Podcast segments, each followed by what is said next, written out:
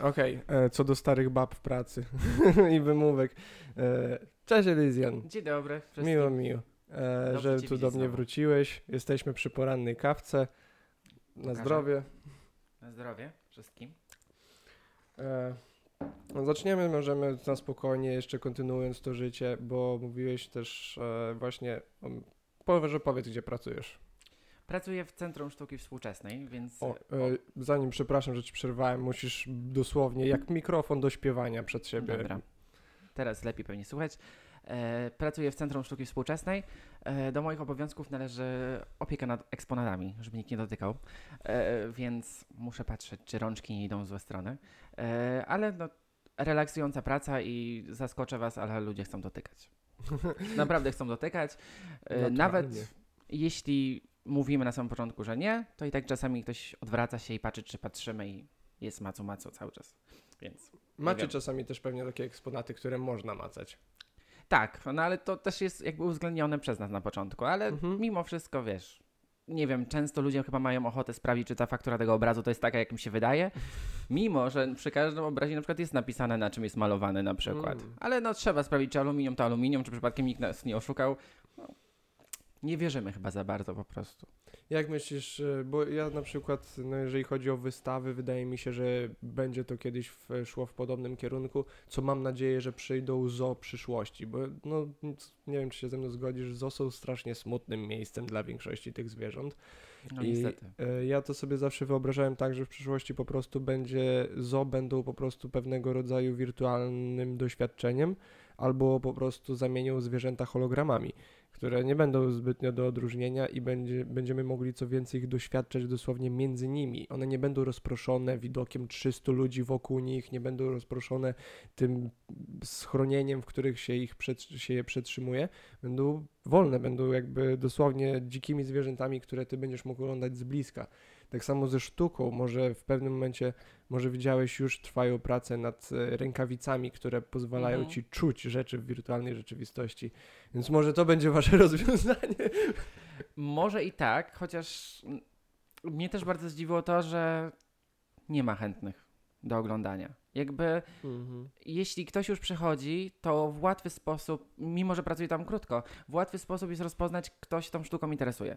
Bo naprawdę czasami jest tak, że trasa, którą zwiedzanie najczęściej pokonują osoby, które się na przykład znają na tym temacie, około dwóch godzin, to się zdarza, że na przykład osoby, które przychodzą nagle z ulicy, przychodzą to w 2-3 minuty i to jest trochę przerażające, bo jednak bilet kosztuje. To nie są super drogie rzeczy, ale wydaje mi się, że 25 zł za przejście za 2-3 minuty, no trochę się mija z. I jakby nie rozumiem skąd to wynika. Ja rozumiem, że czasami sztuka jest trudna w odbiorze, no ale są foldery, których najczęściej ludzie nie biorą, bo myślę, że po prostu nie chcą, a najczęściej zwiedzanie te właśnie 2-3 minutowe kończy się tym, że robimy zdjęcie przed wystawą. Mam wrażenie, że od razu wstawiamy je do internetu, pokazujemy, że tutaj byliśmy i na tym się ta wystawa kończy. Tylko, że wydaje mi się, że to jest na tyle śmieszny temat, że w momencie, kiedy twój znajomy się zapyta, co na tej wystawie było, to ty nie wiesz, bo te 2-3 minuty przebiegłeś po prostu po tych eksponatach, zrobiłeś zdjęcie i to źle wygląda. Chociaż, jeszcze też jedna ważna rzecz, która udało mi się zauważyć, to przez niezrozumienie sztuki e, robią ludzie obrazy, obrazy Boże, robią e, ludzie zdjęcia przy obrazach, które są na przykład na temat śmierci albo bólu, uśmiechając się i skacząc z radości i szczerze mówiąc, my z opiekunami mamy naprawdę, no szczerze bekę z tego, bo naprawdę ludzie nie rozumieją tego i nawet czasami tytuły sugerują coś Mhm. i nie, ładny obraz, ładne tło do zdjęcia, koniec. No, tak samo jak, nie wiem, zdjęcia z wypiętą dupą na wjeździe do Auschwitz, co nie, słynne. Mm, A co do właśnie odbioru sztuki, bo ja też się zgodzę z tym, że właśnie za, zapłacić jakkolwiek, czy to jest 5-10 zł za bilet, czy właśnie 20, 40, 60 zł za jakąś super wystawę, to mi się wydaje, że to jest trochę takie przełożenie właśnie, że chcesz, e, chcesz wy- wykorzystać tą wartość, któ- którą, która się przed tobą stawia i nawet nie chodzi o to, jaką kwotę na to przeznaczasz, tylko chodzi o możliwość, którą masz. Masz tą ogromną halę Mhm. z dziełami sztuki, dosłownie scenionymi obrazami, rzeźbami, różnym, różnego rodzaju e, po prostu dziełami czyimiś czyimiś tworami i możesz się na to wystawić. To nie bez powodu stoi na tej wielkiej hali. I właśnie tak jak mówisz, zrozumienie, rozumienie sztuki jest trudne i jest moim zdaniem dużo bardziej subiektywne niż w większości się wydaje, a już na pewno naszym polonistkom. No, to prawda. Najgorsze jest to, że spodziewałam się, że jeśli będą mi zadawane pytania, to będą pytania właśnie odnośnie rozumienia obrazów, bo jednak mieliśmy jakieś przeszkolenie, więc wiemy dokładnie, co się z czym je i dlaczego. To największe, największa ilość pytań jest odnośnie tego, który jest najwięcej ubezpieczony obraz, który jest najwięcej warty. I cały czas kręcimy się wokół pieniędzy, gdzie mam wrażenie, że sztuka miała trochę taki cel, żeby od tych pieniędzy odejść. Bo jakby mówimy o tych emocjach, uczuciach i tym bardziej, że teraz mamy, wystawiamy się z abstrakcją i mamy dwóch abstrakcjonistów. Więc tutaj trzeba się trochę zagłębić w to, przejść trochę inaczej tą wystawę, a nie przejść i powiedzieć, aha, kwadraty koła, no to wychodzimy. E, Ja bym powiedział, że oczywiście jakby domyślną funkcją sztuki jest raczej odskoczenie od materializmu i pieniędzy i biurokracji tego wszystkiego, jasne. Ale drugą funkcją sztuki, o której mało osób mówi, jest po prostu pranie pieniędzy. tak, wystawianie jakichś e, właśnie abstrakcyjnych, absurdalnych dzieł za kosmiczne sumy, tylko po to, żeby ktoś mógł sobie to odpisać od podatku jako darowizna, albo właśnie jak teraz NFT są świetnym tego przykładem.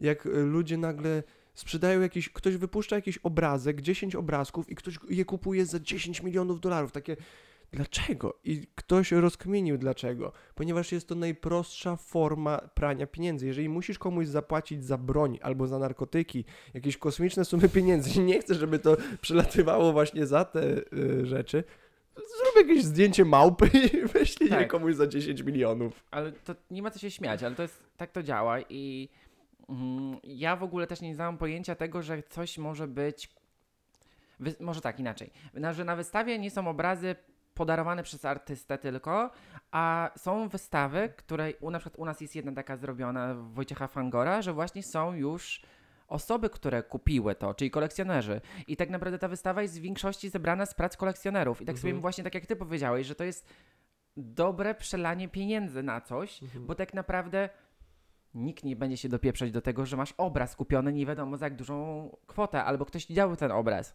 bo nikt tego nie zweryfikuje, czy naprawdę ci się ten obraz podoba, czy naprawdę go chciałeś, czy po prostu w taki sposób ktoś ci długi spłacił. No bo Mhm. tak naprawdę nadal mimo wszystko sztuka jest taka trochę odległa od nas i to mi też trochę przeszkadza, bo jakby z jednej strony mówimy, że sztuka jest dostępna dla każdego, ale z drugiej strony nadal jest to trochę nadmuchany balon taki, że nie ma tego luzu.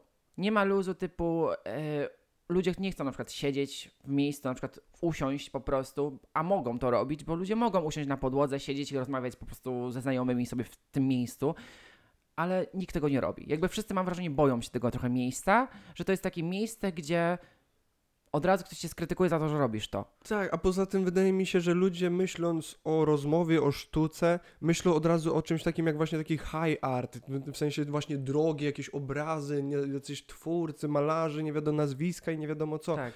Więc za, zanim tutaj przejdę do swojej rozkminy, powiedz mi, jak ty definiujesz sztukę dla siebie? Szczerze mówiąc, to w kontekście pracy się trochę zmieniło, bo na początku sztuka była dla mnie czymś, co wzbudza we mnie jakieś emocje i coś, co w jakiś sposób łączy się ze mną, bo Mhm. nie potrafiłem na przykład kiedyś odczuwać emocji z rzeczy, które nie są związane ze mną. E, Bo na studiach jednak wiele razy omawialiśmy jakieś obrazy, jakieś dzieła, ale brakowało mi takiego połączenia ze mną. Teraz w momencie, kiedy jednak sztuka abstrakcyjna jest trudna i często tak jak właśnie wszyscy mówią, kwadraty, prostokąty, to jak zaczęliśmy w pewnym momencie się zagłębiać z, właśnie z opiekunami na temat tych obrazów, to one zaczęły żyć. Tylko, że to też mi uświadomiło, że wszystko potrzebuje czasu. Tak jak w naszym życiu, wszystko potrzebuje czasu, tak samo odbiór sztuki potrzebuje czasu. Bo dla osób, które właśnie zwiedzają 2-3 minuty, to będą tylko kolorowe kwadraty, ale w momencie, kiedy na przykład poznamy historię artysty, poznamy datę powstania tego dzieła i dlaczego to akurat to jest ta data, to wszystko się składa i dostrzegłem, że sztuka jest bardzo autorska i w dużym stopniu jest połączona z artystą. Że nie ma często takiego czegoś, jak było na początku, że sztuka była taka trochę pod zamówienie dla kogoś, bo ktoś chciał portret, zrobiliśmy portret. Mhm. Trochę się od tego teraz odchodzi, jakby sztuka jest bardzo tym bardziej żywa. I te emocje widać. Mimo, że to są te kwadraty prostokąty w abstrakcji i koła i w ogóle formy, które wydają nam się bardzo proste, to właśnie w tej prostocie trochę jest siła, bo my możemy w tych rzeczach zobaczyć wszystko, co chcemy w sumie. Czyli powiedziałbyś, że sztuka to nie jest tylko to, co wywołuje w tobie emocje, ale co w tobie jakoś rezonuje Mhm. i pozostaje gdzieś tam, może transformuje cię jako osobę. Tak, Tak. zdecydowanie. I w odbiorze sztuki jest ważne też to, że jakby to powiedzieć, każdy z nas daną rzecz może odebrać inaczej przez swoje doświadczenia życiowe i to w jaki sposób też świat postrzega, bo dla niektórych na przykład nawet barwy mają inne znaczenie. Mhm. Niektórzy na przykład nie lubią danej barwy i ona będzie się im kojarzyła od razu z czymś, tak? No bo możemy nawet na podstawie głupiej czerwieni powiedzieć tak, że mamy miłość, ale mamy od razu krew, więc zależy w którą stronę Mhm. pójdziesz. Więc y, to jest bardzo trudne, bo jakby nie uczy nam się, nie uczy nas się w szkole odbierania sztuki. Tak, bo jakby przedmioty typu właśnie wiedza o kulturze są bardzo szybkie. Mam wrażenie, że są tylko na bazie kart prac, zróbcie i koniec, a nikt nie potrafi nam wytłumaczyć, że no, warto jednak to rozumieć, że to nie jest nic, co jest super odległe i że każdy może to zrobić i że to może być frajda, bo szukanie własnych znaczeń w obrazach no naprawdę daje dużą frajdę. E, Tak, i nawet powie, dla ciebie to jest właśnie zapoznanie się z artystą, z e, historią tego dzieła, z pro- procesem, powiedzmy, co też bym powiedział na pewno jest ciekawe, ale ja nie lubię czytać, jak powiedziałeś, te, te wszystkie broszury i tak dalej. Ja na przykład def, definiuję to, bar- znaczy definiuję, może podchodzę bardziej właśnie do takich dzieł, do jakichkolwiek dzieł, po prostu właśnie na tym bardziej e, charakterze emocjonalnym, ale też bym się zgodził właśnie to, co ty rozwinąłeś, tym właśnie aspekcie transformatywnym, że ja że to dla mnie ma jakąś wartość, że ja widzę tam jakąś wizję. To nieważne, czy to jest wizja artysty, którą pani na polskim przedstawiała, czy to jest rzeczywista wizja artysty, czy to jest wizja moja, ale żeby to się właśnie łączyło z jakimś tam właśnie e, projektem, powiedzmy, w mojej głowie. I ostatnio nawet na podcaście którymś mówiłem, ostatnim chyba samotnym, e, że po prostu spójrzcie na obraz i po, właśnie tak jak mówisz, 2-3 minuty przejdziesz, popatrzysz na obrazki jakieś i Mhm. pójdziesz dalej. Jakby nie dostrzeżesz tej sztuki w tym wszystkim, ale zatrzymaj się przy jakimś obrazie. Patrz się na niego tak długo, aż zaczniesz widzieć nowe rzeczy niż to, co pierwotnie zobaczyłeś. I wtedy masz nagle takie wow, i, i jakieś myśli się pojawiają w głowie, właśnie jakieś emocje, jakieś przemyślenia. I to jest właśnie ta funkcja sztuki, o której mówimy poza materialna. Tak. To jest to, co transformuje Twojego ducha. To jest dosłownie opłatek zdany przez artystę dla ludzkości, tak? To jest właśnie ta jego wizja manifestująca swoje życie w innych osobach. I no, Ale wiesz co ci powiem? Tak jak Mhm. powiedziałeś o tych broszurkach, mhm. to szczerze wam powiem, że broszurki są zawsze do dupy. Naprawdę. I jakby osobiście powiem, że naprawdę czytając broszurki, które zawsze muszą być zwięzłe, krótkie, bo nie możemy dać dużo tekstu, bo najczęściej tak ludzie tego nie czytają, Mm, to tu jest taki problem, że broszurki są bardzo czarno na białym. Żeby po prostu każdy odbiorca, czy to właśnie osoba, która ma wykształcenie związane ze sztuką, czy też nie, zrozumiała to. Ale to nie są ciekawostki. To są rzeczy najczęściej takie, żeby był jakiś zakres, jakiś kształt tego, jak ten artysta tworzy i dlaczego tak tworzy. mm. Ale te ciekawostki wychodzą właśnie tak, jak ty mówisz. Metryczka taka. W momencie zatrzymania przy obrazie dopiero możesz jakoś tak to, co masz w metryce jako podstawę, taki fundament, rozszerzyć. Bo na przykład y, mamy wystawę Shona Scaliego i dopiero po, to też jest abstrakcjonista, dopiero po chyba półtora miesiąca e, udało nam się zrozumieć, że jednego koloru nie ma na wystawie, nie ma fioletu i jakby Hmm. tego nie ma w broszurce. A uświadomiliśmy sobie, że fiolet jest kolorem przejściowym między dobrą emocją, czyli miłością, do smutku, bo jednak jest zrobiony z, z różu i niebieskiego. Mm. I to się gryzło w emocjonalnej abstrakcji, ale tego broszurka nie powie, bo broszurka Hmm. byłaby zbyt na zbyt wysokim poziomie, można powiedzieć, i odbiorca taki właśnie dwu, trzyminutowy nie zrozumiałby o co mi chodzi, jak to przejściowy kolor, jak, jak łączyć kolor z emocją. I to jest mm, może dobre, ale z drugiej strony wracam do tego, co mówiłem wcześniej, że to jest znowu stworzenie takiego podziału, że ta sztuka jednak niby jest dla każdego, ale nie do końca, Mhm. bo osoba, która jednak wie cokolwiek, nie odbierze tego samego tak, jak osoba, która na wystawę idzie po raz pierwszy. I co więcej, jeszcze do tego, co mi powiedziałeś, jeszcze gorzej, ponieważ rzadko kiedy są tam po drodze osoby, które będą mogły cię właśnie w to wciągnąć, zainteresować i właśnie rozwinąć ci te Mhm. wszystkie informacje. Pomimo, że właśnie nie ma tego bezpośrednio w informacji takiej powiedzmy technicznej, gdzie sam sobie możesz to przyswoić, to nie ma właśnie takiej osoby, która by gdzieś tam e, była i edukowała tych ludzi na, na właśnie. To, Tak. Co ty teraz mi powiedziałeś, to jest mega ciekawe. Gdybym ja wiedział wchodząc, że nie ma na tej wystawie nigdzie fioletowego i z czym to może się wiązać, i bym zwrócił na to uwagę, że rzeczywiście nie ma nigdzie tego fioletowego, mógłbym się zacząć nad tym zastanawiać. Tak Coś, jest. co na pewno jakiś ponad 90% ludzi chodzących przez tą galerię pewnie nie zauważyli tego, że akurat tego koloru tam nie ma. Tak jak my, pamiętam kiedyś poszliśmy, była jakaś praca Picasso wisiała wśród tych wszystkich obrazów. I szliśmy, pamiętam wtedy z moją byłą dziewczyną i jej rodzicami i przeszliśmy ten obraz, kompletnie go nie zauważyliśmy. Nawet nie wiem, czy może nie powinien być jakoś zaznaczony, ale wydaje mi się, że skoro tam było, że takie wow, że jest tam też Picasso, no to powinien być jakoś naświetlony. I to był taki powiedzmy bardzo prosty jakiś tam, no nie szkic, ale bardzo prosty obraz, jakiś taki, no Picasso, widać, że w sumie Mhm. jak zobaczyłeś, no no kurwa tak, no wygląda jak Picasso. E, I mnie to wtedy bawiło, bo i e, tata e, mojej byłej dziewczyny powiedział, że takie, że takie pff, no w sumie, że takie, co nie, każdy, każdy, każdy dzieciak mógłby coś takiego narysować, ale właśnie dlaczego tylko dzieciak? Ja o tym wtedy zacząłem myśleć, No. że to jest, wydaje mi się, jak McKenna kiedyś mówił, czy Alex Gray o tym, że artyści się rodzą i tak naprawdę całe życie próbują sobie przypomnieć tak naprawdę, co mieli robić. Tak, Co, coś, z czym Mhm. wyszli. I to jest właśnie ten rozwój artystyczny.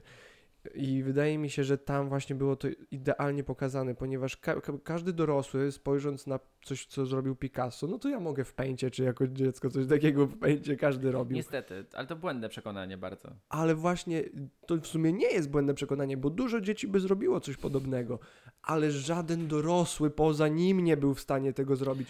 I to jest tak ciekawe, takie taki mądry, to takie proste, to dlaczego nikt z nas nie umie tego powtórzyć?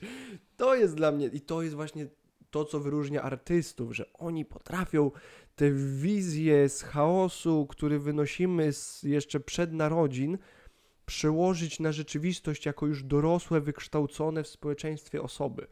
To jest bardzo trudne, bo każdy, kto się zajmuje tak. jakąkolwiek twórczością, może powiedzieć, że to jest dużo trudniejsze niż ktokolwiek może sobie wyobrażać.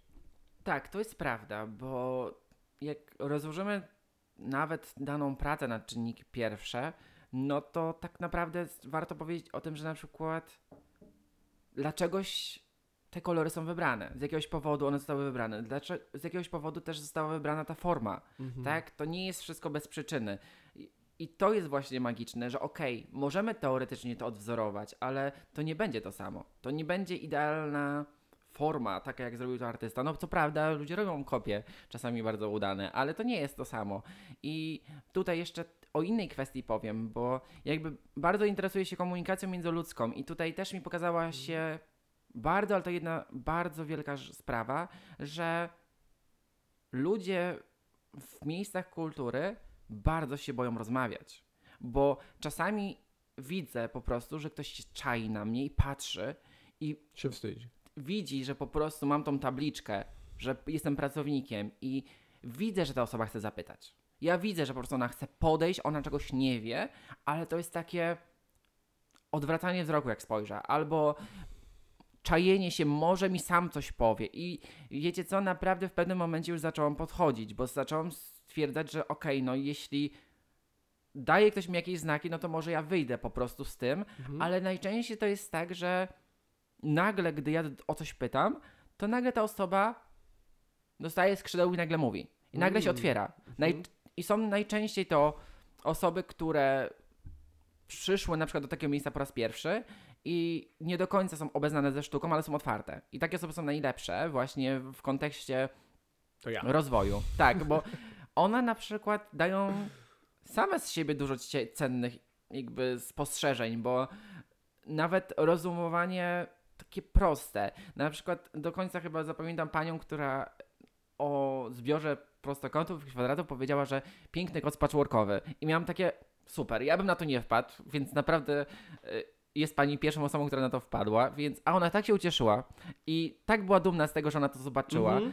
I właśnie to tak jak mówiliśmy wcześniej, że każdy może tą sztukę odbierać inaczej i naprawdę ja już w pewnym momencie zaczęłam po prostu zagadywać ludzi, bo ja widzę, że po pierwsze ludzie boją się po pierwsze uśmiechać przy dzień dobry, to w ogóle zacznijmy od tego, bo staramy się być na samym początku mili, żeby jak ludzie wchodzą do nas, to żeby byli po prostu już w tym świecie naszym po prostu bez problemów w ogóle. Bo najczęściej jak się do tego budynku wchodzi, to już takie, jak to wszyscy mówią, odchamienie, że odchodzimy nagle od tego swojego życia i staramy się już na samym wejściu mówić dzień dobry, uśmiechać się w ogóle. Ale ludzie najczęściej niestety patrzą w dół, w ziemię i są tacy zdziwieni w ogóle, Hmm. że ktoś chce być dla nich miły, a jeśli już w ogóle ktoś później do nich podejdzie, to najczęściej spotykam się z takim, Boże, A zapytam, czy zauważyłeś, że do takiej galerii przychodzi w dużej mierze jakaś konkretna grupa wiekowa, czy jest to duży rozstrzał?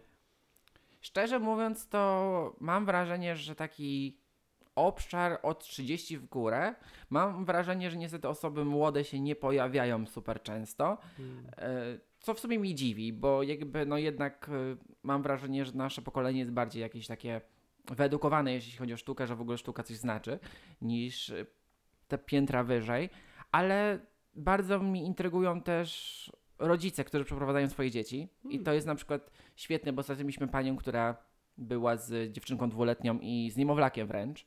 I rozwiązywali sobie zadania, które dawaliśmy. I naprawdę to było świetne, bo spędziły tam 2-3 godziny i pomyślałam, że to super forma no po prostu Jasne. wiązania dziecka ze sztuką, od dziecka tak naprawdę już, ale niestety boję się, że tak po prostu no tutaj już w ogóle się robi taki podział, że ludzie boją się, że jak już my o coś pytamy, to tak naprawdę chcemy zwrócić uwagę, że to się robi źle. Hmm. I to jest najczęściej taki, taka obawa, że jak ja widzę, że już, do, już widzę, że jak do kogoś podchodzę, to osoba już ma wzrok w dół, już czuje się niepewnie, albo najczęściej już gdzieś idzie.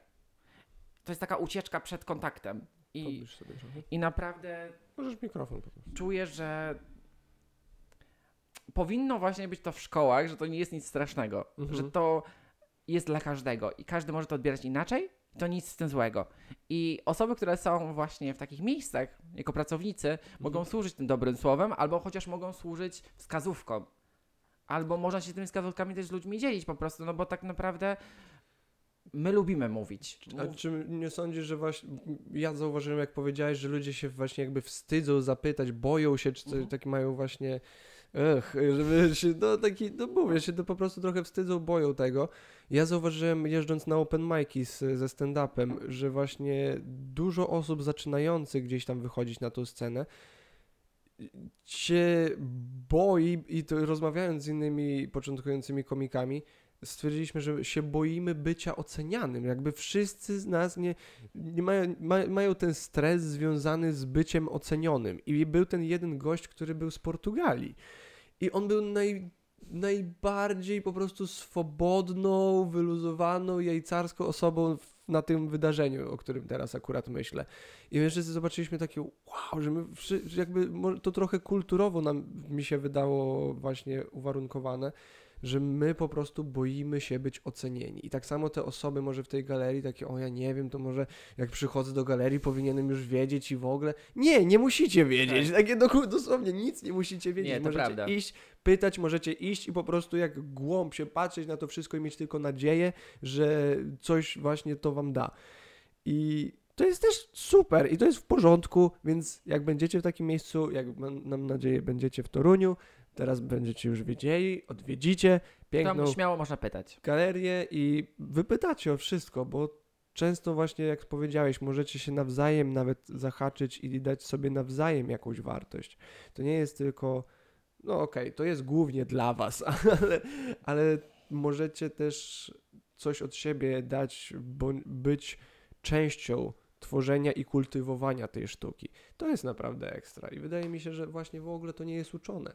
Gdzieś tam nas się zabiera, może jako dzieci, jeżeli w ogóle, to nie, nie tłumaczy się nam, właśnie powiedzą nam to, co powiedziałeś, czasami technika, może rok, w którym artysta żył, ale dla, nawet dla młodszej osoby to, to nic nie znaczy. Ja jako dziesięciolatek nie ogarniałem, co to znaczy, że ktoś żył w 1600 którymś, czy 1800 którymś, bo to było dla mnie równie odległe, co 12 lat temu, bo równie dawno temu nie żyłem. Jakby ten cały czas wstecz był dla mnie jednakowy. Ale już gdyby właśnie ktoś mi zwrócił uwagę na kolory, popatrzył takie, spójrz, tu jest duch, a być Tak. takie, wow, jak widziałem kiedyś ten obraz, na którym była po prostu plaża i widziałeś po prostu plażę, ale zatrzymując się na nim, wyłapałem tam chyba z 13 różnych twarzy w tym obrazie. I miałem takie, wow, jaki Właśnie super. chodzi o takie ciekawostki, nie? Żeby też my jako dzieci nie byli, żebyśmy nie byli po prostu zniechęcani do tego, bo często na tych wszystkich językach polskich, niestety, lekcjach jest tak, że jest obraz i ta pani mówi o jakichś nudnych rzeczach, że ten obraz powstał kiedyś i kiedyś, to jest styl taki i taki, farba była nakładana tak, a kogo to obchodzi, jak była farba nakładana? Tak naprawdę nikogo to nie obchodzi i ważne byłoby to, żeby po prostu ten obraz był omawiany nie, że na pierwszym planie, na drugim planie, tylko po prostu, żeby było to na luzie bardziej, a mam wrażenie, że nawet ta formułka cała do opisywania obrazu Mhm. jest taka bardzo schematyczna, że Mhm. nawet jak chcesz napisać coś od siebie, to nie masz jak, bo poloniska od razu cię skarci, że źle jest napisane i że to nie jest w systemie dobrze opisane. I to jest ten problem, że my od samego początku jesteśmy nauczeni takiego schematu i jak masz iść do galerii sztuki i nagle Nie- co, masz komuś opisać, że na pierwszym planie widzisz to, na drugim to, a to było tak, tak malowane i w tym roku? To, jakby- to właśnie jakby nasza dusza czuje, że to nie ma sensu. No, Takie to, to, totalnie. nie jest, to nie jest wartościowe w ogóle. I co, co do opisywania właśnie tego, co ty czujesz, bo u, wydaje mi się, że w szkołach uczą nas definicji sztuki, a nie definiowania sztuki. I wtedy, o i przez to może właśnie mamy tyle kiczu. No, tak to działa, niestety, ale jeśli chodzi nawet o sztukę, ja nawet myślę, że można się pokusić trochę dalej iść i uważam, że na przykład pisanie wszystkich prac na języku polskim, pisemnych, to jest też wielka, ale to wielka pomyłka, bo U, to się nie zgodzę. e, pisanie schematem, które na przykład rozprawka ma być schematem, gdzie na, na przykład nie powie nikt na początku, przynajmniej w moim przypadku tak było, że nikt nie powiedział mi, że na przykład mogę się odnosić do argumentów związanych, nie wiem, z muzyką, z filmem, z serialem, tylko było wałkowane, że ja muszę znać lektury. Że lekt bez lektur to ja tej pracy nie napiszę. Bez y, znania tych kanonicznych całych lektur nic nie zrobię, że jak zapomnę chociaż jednego bohatera albo jednej lektury, która była omawiana, to będzie źle, bo ja Błąd nie znam już. Tak, błąd rzeczowy będzie. I dopiero po wielu latach ludzie sobie mają świadomość, że ej, ale mogą użyć tego, mogą użyć tego, to znam, to oglądałem. I nie jesteśmy informowani przez poloniski wszystkie, że aha, oglądacie na przykład, nie wiem, Stranger Things, to użyjcie tego, tego, Tak. tego. Y, omówimy dzisiaj, nie wiem, Titanica, żebyście mogli dodać to, to, to, to do, w rozprawkach. Nie Ja ma tego. Już miałem się z tobą nie zgadzać, ale rzeczywiście, bo ja pamiętam, jak gdzieś tam na próbnej maturze zauważyliśmy, że odwoła się do lektury, coś tam, coś tam i innych dzieł kultury. I my mieliśmy takie, co to jest? Co to jest? To bo, jest bo nikt nam nigdy nie wytłumaczył, co to jest. I ona powiedziała, że w sumie wszystko. What? I nagle masz takie, No, dos- nagle ci się otwiera umysł, nagle tyle, tyle przykładów różnych, takie wow, ja rzeczywiście doświadczyłem trochę rzeczy w życiu i mogę o czymś napisać, ale nikt ci nie powie, żebyś się na tym skupił. tak, no po co? I najgorsze jest to, że wiele osób na przykład nie znaje y, polskiego pisemnego na maturze. I Mhm.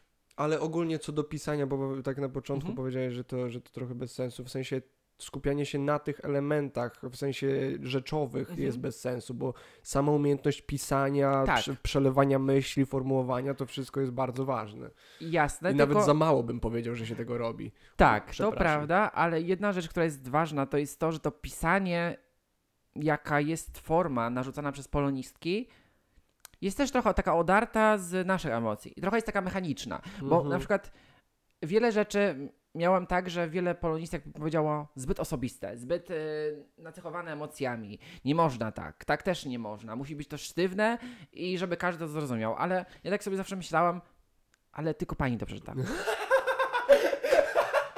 Jakby To jest tak słuszna uwaga. tylko pani to przeczyta i ogólnie kogo to obchodzi. Jakby pani to zobaczy, jeśli pani się spodoba, to super, że pani to oceni na dobrą ocenę. Jeśli nie, no to nie. Ale tak naprawdę, Jezu, bo to jest robienie z tych wszystkich prac takiego, jakbyśmy my byli wysyłani z tą pracą na konkurs. Cały świat miał ją przeczytać we wszystkich językach, a tak naprawdę tak nie jest. I dlaczego w ogóle nam się wmawia, że ta praca to jest jakaś super ważna praca? Zawsze to był problem przy analizach na przykład lektur. Że na przykład nie można było powiedzieć, co tak naprawdę się myśli, tak. bo to jest jedna linia, tak? Że na przykład mamy myśleć tak i ta bohaterka była tylko taka. Albo zła, albo dobra. Nie ma nic pomiędzy, bo przecież nie ma ludzi do, pomiędzy, tylko wszyscy są albo dobrzy, albo źli. Podzielmy tak. I straszne. Broń Boże, będziesz miał własne myśli na ten temat, co nie? Broń Boże. Jezu, jak mnie to strasznie irytowało, jak ja mieliśmy właśnie interpretować coś, mieliśmy mówić o znaczeniu jakiejś właśnie, czy to lektury, czy to obrazu, wierszyka, cokolwiek. Szczególnie przy właśnie lekturach i wierszach mnie to uderzało. Jak jeszcze może le lektury na drugim miejscu, przy wierszach uderzało mnie to najbardziej, bo po prostu... O Jezus Maria, wiersze są jakby tak bardzo metaforycznie pisane i jest tak dużo przenośni i, mo- i, i właśnie są tak piękne pod względem tego, że, tak co już wcześniej Mhm. powiedziałeś, że zależy co ty masz w głowie, to to odczujesz w związku z tym, co przeczytałeś i sobie wyobraziłeś czytając ten wiersz, ten poem. E, I kiedy ja widziałem coś, co rzeczywiście dawało mi jakieś myśli, albo nawet po prostu byłem jajcarzem i wiesz, po prostu przeczytałem coś i on pewnie miał to na myśli. I, I nie chodzi o to, że ktoś mi powiedział, że nie, pewnie nie. Chodzi o to, że mi pani powiedziała, że na pewno nie, że tak, Tak. nie może być, to mnie do szału doprowadzało po prostu. to jest dla mnie totalnie niezrozumiałe, bo jakby to tak jak z tą sztuką, o której mówiliśmy, że każdy może ją rozumieć w inny sposób. Tak samo jest tutaj. Jakby nie wierzę, że na przykład artysta pisząc coś, jakiś pisarz, nie miał emocji innych niż te, które są wpojone nam w książkach, że aha, on czuł to i to. Nie do końca tak jest. I wiadomo, że z, podczas pisania też mógł zażywać różne substancje, a o tym Na też się nie pewno mówi. zażywał. Bo nie wiem, czy dziady byłyby napisane w tej formie Gdyby gościu nie był Tak. najebany na, i na opium. yy, i naprawdę nie rozumiem tego. I też nie rozumiem do końca wyboru na przykład lektur, bo ja cały czas myślę o tym Romeo i Julia, które chyba jest w podstawówce jakoś bardzo na początku. W gimnazjum? Mhm. To i tak szczerze wam powiem, że myślę, że jeśli to nawet jest gimnazjum, to Było. tam brakowało mi wątku tego, że ej, no jakby śmierć z miłości to ogólnie nie jest dobry wątek. Jakby, że to nie jest dobry pomysł. I jakby brakowało mi tego, żeby w ogóle to była jakaś lekcja merytoryczna. Że jakby dzieciaki nie róbcie tak, nie? Że albo ogólnie to jakby nie, chw- nie chwalmy książki, ale porozmawiajmy trochę o tym, dlaczego to się wydarzyło. Dlaczego w ogóle to do tego doprowadziło. Dlaczego w ogóle oni byli ze sobą pokłóceni jako rody. Dlaczego tego tak się nie omawia. Tylko wszystko jest takie. Jaki jest morał Romeo i Julii? No że podobno miłość wytrzyma wszystko i tam, że... No nie wytrzymało, bo jest No, zginęli. się- No dobra, ale oni zginęli, ale tam się połączyli, tak? Rody się właśnie one wreszcie pogodziły i A, jakby co to da? Jaki to jest w ogóle morał dla dzieciaka, który na przykład ma 15 lat i on. To co? Trzeba umrzeć, żeby się ludzie pogodzili, tak? Disney, Disney nam już wyjaśnił, że miłość przezwycięży wszystko, nie potrzebujemy No Romeo po prostu jakby nie mówi się merytorycznie o rzeczach, o książkach i jakby potem jakby mamy w dorosłym życiu mówić o emocjach swoich, Mhm. skoro my nie jesteśmy tego nawet nauczeni w omawianiu czegokolwiek. Więc jak mamy powiedzieć na przykład nasze zdanie o filmie, książce, nie wiem, piosence, skoro nikt nas tego nie uczy? I nie mamy nagle skryptu, że aha, to rozumiecie tak, to Ale rozumiecie tak i tak. Naświetlenie chociażby właśnie przyczyn y, skłócenia tych rodów, właśnie skupienie się na tym, jak błahe i idiotyczne to było, bo na, nadal przecież są na świecie sytuacje i to nie tylko gdzieś na wschodzie, Mhm. tylko u nas w Polsce, gdzie y, ludzie się kochają i tylko dlatego, że rodziny się nienawidzą, to robią im piekło z życia po prostu. Wystarczyło tak głupie- powiedzieć. Jak głupie to jest. Ale widzisz, ile trwała analiza? Chwilę. I dałeś radę to ogarnąć. Więc myślę, że gdyby, gdyby pani Poloniecki przygotowały lekcję w taki sposób, że nie skupiamy się na treści lektury, którą musicie przeczytać i w ogóle, tylko skupić się na konkretnych filarach tej historii, dlaczego tak, a nie inaczej, Mhm. to byłoby dużo lepiej. I jest wiele lektur, nie tylko właśnie takich y, dużych, ale też nawet polskich, gdzie na przykład nie omawia się tego. Tak na przykład mi się skojarzyła teraz kamizelka Prusa, że ta żona cały czas zwęża tą kamizelkę. że bo mąż chudnie, a ona to zwęża i go okłamuje. Dlaczego nie ma omówione, dlaczego to się dzieje? Dlaczego w ogóle... Właśnie, że oboje się tak naprawdę Tak. okłamywali. I nie ma to w kontekście tego, tylko tam jest mówienie o jakiś, w jaki sposób jest pisane, jakie emocje towarzyszyły twórcy i mam takie... Dlaczego nie mówimy o jakimś większym problemie, typu, że jest choroba, a ludzie się wzajemnie oszukują, zamiast powiedzieć sobie prawdę, że na przykład, no serio, jesteś chory i musimy coś z tym zrobić. Mhm. Jakby brakuje mi takiego czegoś i potem tak naprawdę wychodzi to wszystko w życiu codziennym. Bo często na, niestety mam tak, że kogoś pytam, jak podoba mu się film, a on mówi do mnie, że no spoko był. Ale co było spoko? Bez kitu, tak. Co było spoko w tym filmie? O Jezu, ile razy. Żadnych konstruktywnych myśli, żadnych właśnie morałów, żadnych nawet ocen. Takie o, ocen, co, co ci się nie podobało chociażby. Spoko. Spoko, okej. Nie, ale naprawdę, jeśli ktoś was o coś zapyta, to nie mówcie spoko, nie mówcie okej, dobry, bo tak naprawdę to urywa bardzo rozmowę. I jakby ta druga osoba nagle musi dopytywać i nie wie w sumie o co dopytać, bo skoro mówisz, że film jest spoko, to tak Nie, naprawdę... To już w takiej sytuacji, aha, no to okej. No to, to to okej, jest się- koniec rozmowy, która mogła trwać pół godziny. Ale to znowu wracamy do tego, co mówiłeś dużo wcześniej, o tym, że my boimy się trochę wystawić na krytykę i na opinię, że aha, dobra, powiem na przykład, że podobała mi się gra aktorska pierwszoplanowej aktorki, a ta osoba mi powie, ej, beznadziejna była. I co wtedy? Trzeba jakiś argument, a Dokładnie. to już jest, Albo właśnie, tego w szkole nie uczą. wydaje mi się, że masa ludzi po prostu nawet nie chce nawet takiego wysiłku intelektualnego, że ja nagle muszę uargumentować swoją opinię. I nagle jak muszę to nawet zrobić ze swoim przyjacielem, ale w temacie, na którym się super nie znam, bo załóżmy widziałem ten film tylko raz i on też, to na, nawet w tak codziennej, błahej sytuacji ludziom się po prostu nie chce wysilać umysłu, wytężać, żeby wysnuć właśnie jak, jakąś, jak, jakąś metaforę, jakąś Tak, nie wiem, argument czy zdanie po prostu. ale tu- Przykładowe zdanie, tak? tu nawet, powiem szczerze, nie chodzi nawet o te dawanie opinii na jakiś temat czegoś. Tylko tutaj nawet zauważam, że już my wchodzimy w taki etap, że na przykład jak spytamy kogoś, co robisz, to nagle jest pytanie nic. Odpowiedź nic. I mam takie, jak to nic? Nie da się nic nie robić. Jak to, jak to nic? Czyli ogólnie to teraz tak, nie piszemy, ogólnie nic, na niczym nie siedzisz, ogólnie nic się nie wydarza dookoła Nie oddychasz. Nie oddychasz. Tak samo w przypadku e, pytania, jak ci minął dzień, ok, albo spoko. To znaczy, że co było, bo jakby nie wiem na przykład. Tak samo z pytaniem, które myślę, że pojawia się bardziej u osób starszych, czyli na przykład co u ciebie, a ktoś odpowiada stara bieda, to tak mam wrażenie, że ale bieda od momentu którego? Tam jak się widzieliśmy ostatnio, czy tego, co jeszcze było wcześniej? Bo jakby to jest odpowiedź na przykład co każde spotkanie i weźcie wysnujcie z tego, co u tej osoby na przykład się dzieje w życiu. Nie to, da się. I to jest właśnie to, o czym teraz mówimy, jest przyczyną, dlaczego ten cały teraz może źle kojarzony mindfulness i ta praktyka jest tak potrzebna. Ludzie muszą zacząć doświadczać i czuć bezpośrednie obecne doświadczenie, żeby móc je zapamiętać, żeby móc coś z niego wyciągnąć, ponieważ właśnie jeżeli tego nie będą robić i całe życie właśnie będziemy poświęcać na myślenie o przyszłości, przeszłości i tak naprawdę tylko pędzeniu w tym procesie, jaki mamy przed sobą wyłożony, nawet nie który sami sobie tworzymy, a który mamy przed sobą wyłożony, w te powiedzmy tory kolejowe się będziemy wklejać, to później właśnie, kiedy ktoś nas zapyta o nasze życiowe doświadczenie jakiekolwiek, nie będziemy mieli żadnego, ponieważ cały ten czas byłeś kompletnie nieświadomy obecnej chwili, w której się znajdujesz.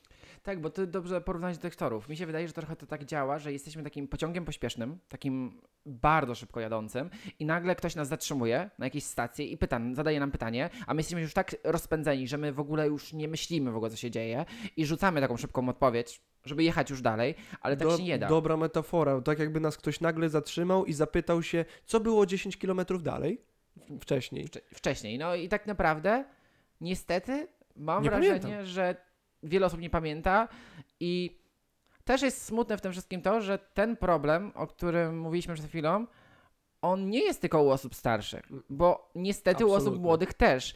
I czasem, niestety, powiem wam, że mnie takie rozmowy na przykład męczą, bo jak ja mam usłyszeć, że no stara bieda, ogólnie to nic nie robię i ogólnie no to dzień był spoko, no to znaczy, że co, wszystko spada na moją głowę, tak? to nie że jest ja mam... rozmowa, to jest zakończenie rozmowy. I ja mam to sterować i nagle jakby po co? Po co, po co w ogóle się męczyć? Po co w ogóle dawać coś od siebie?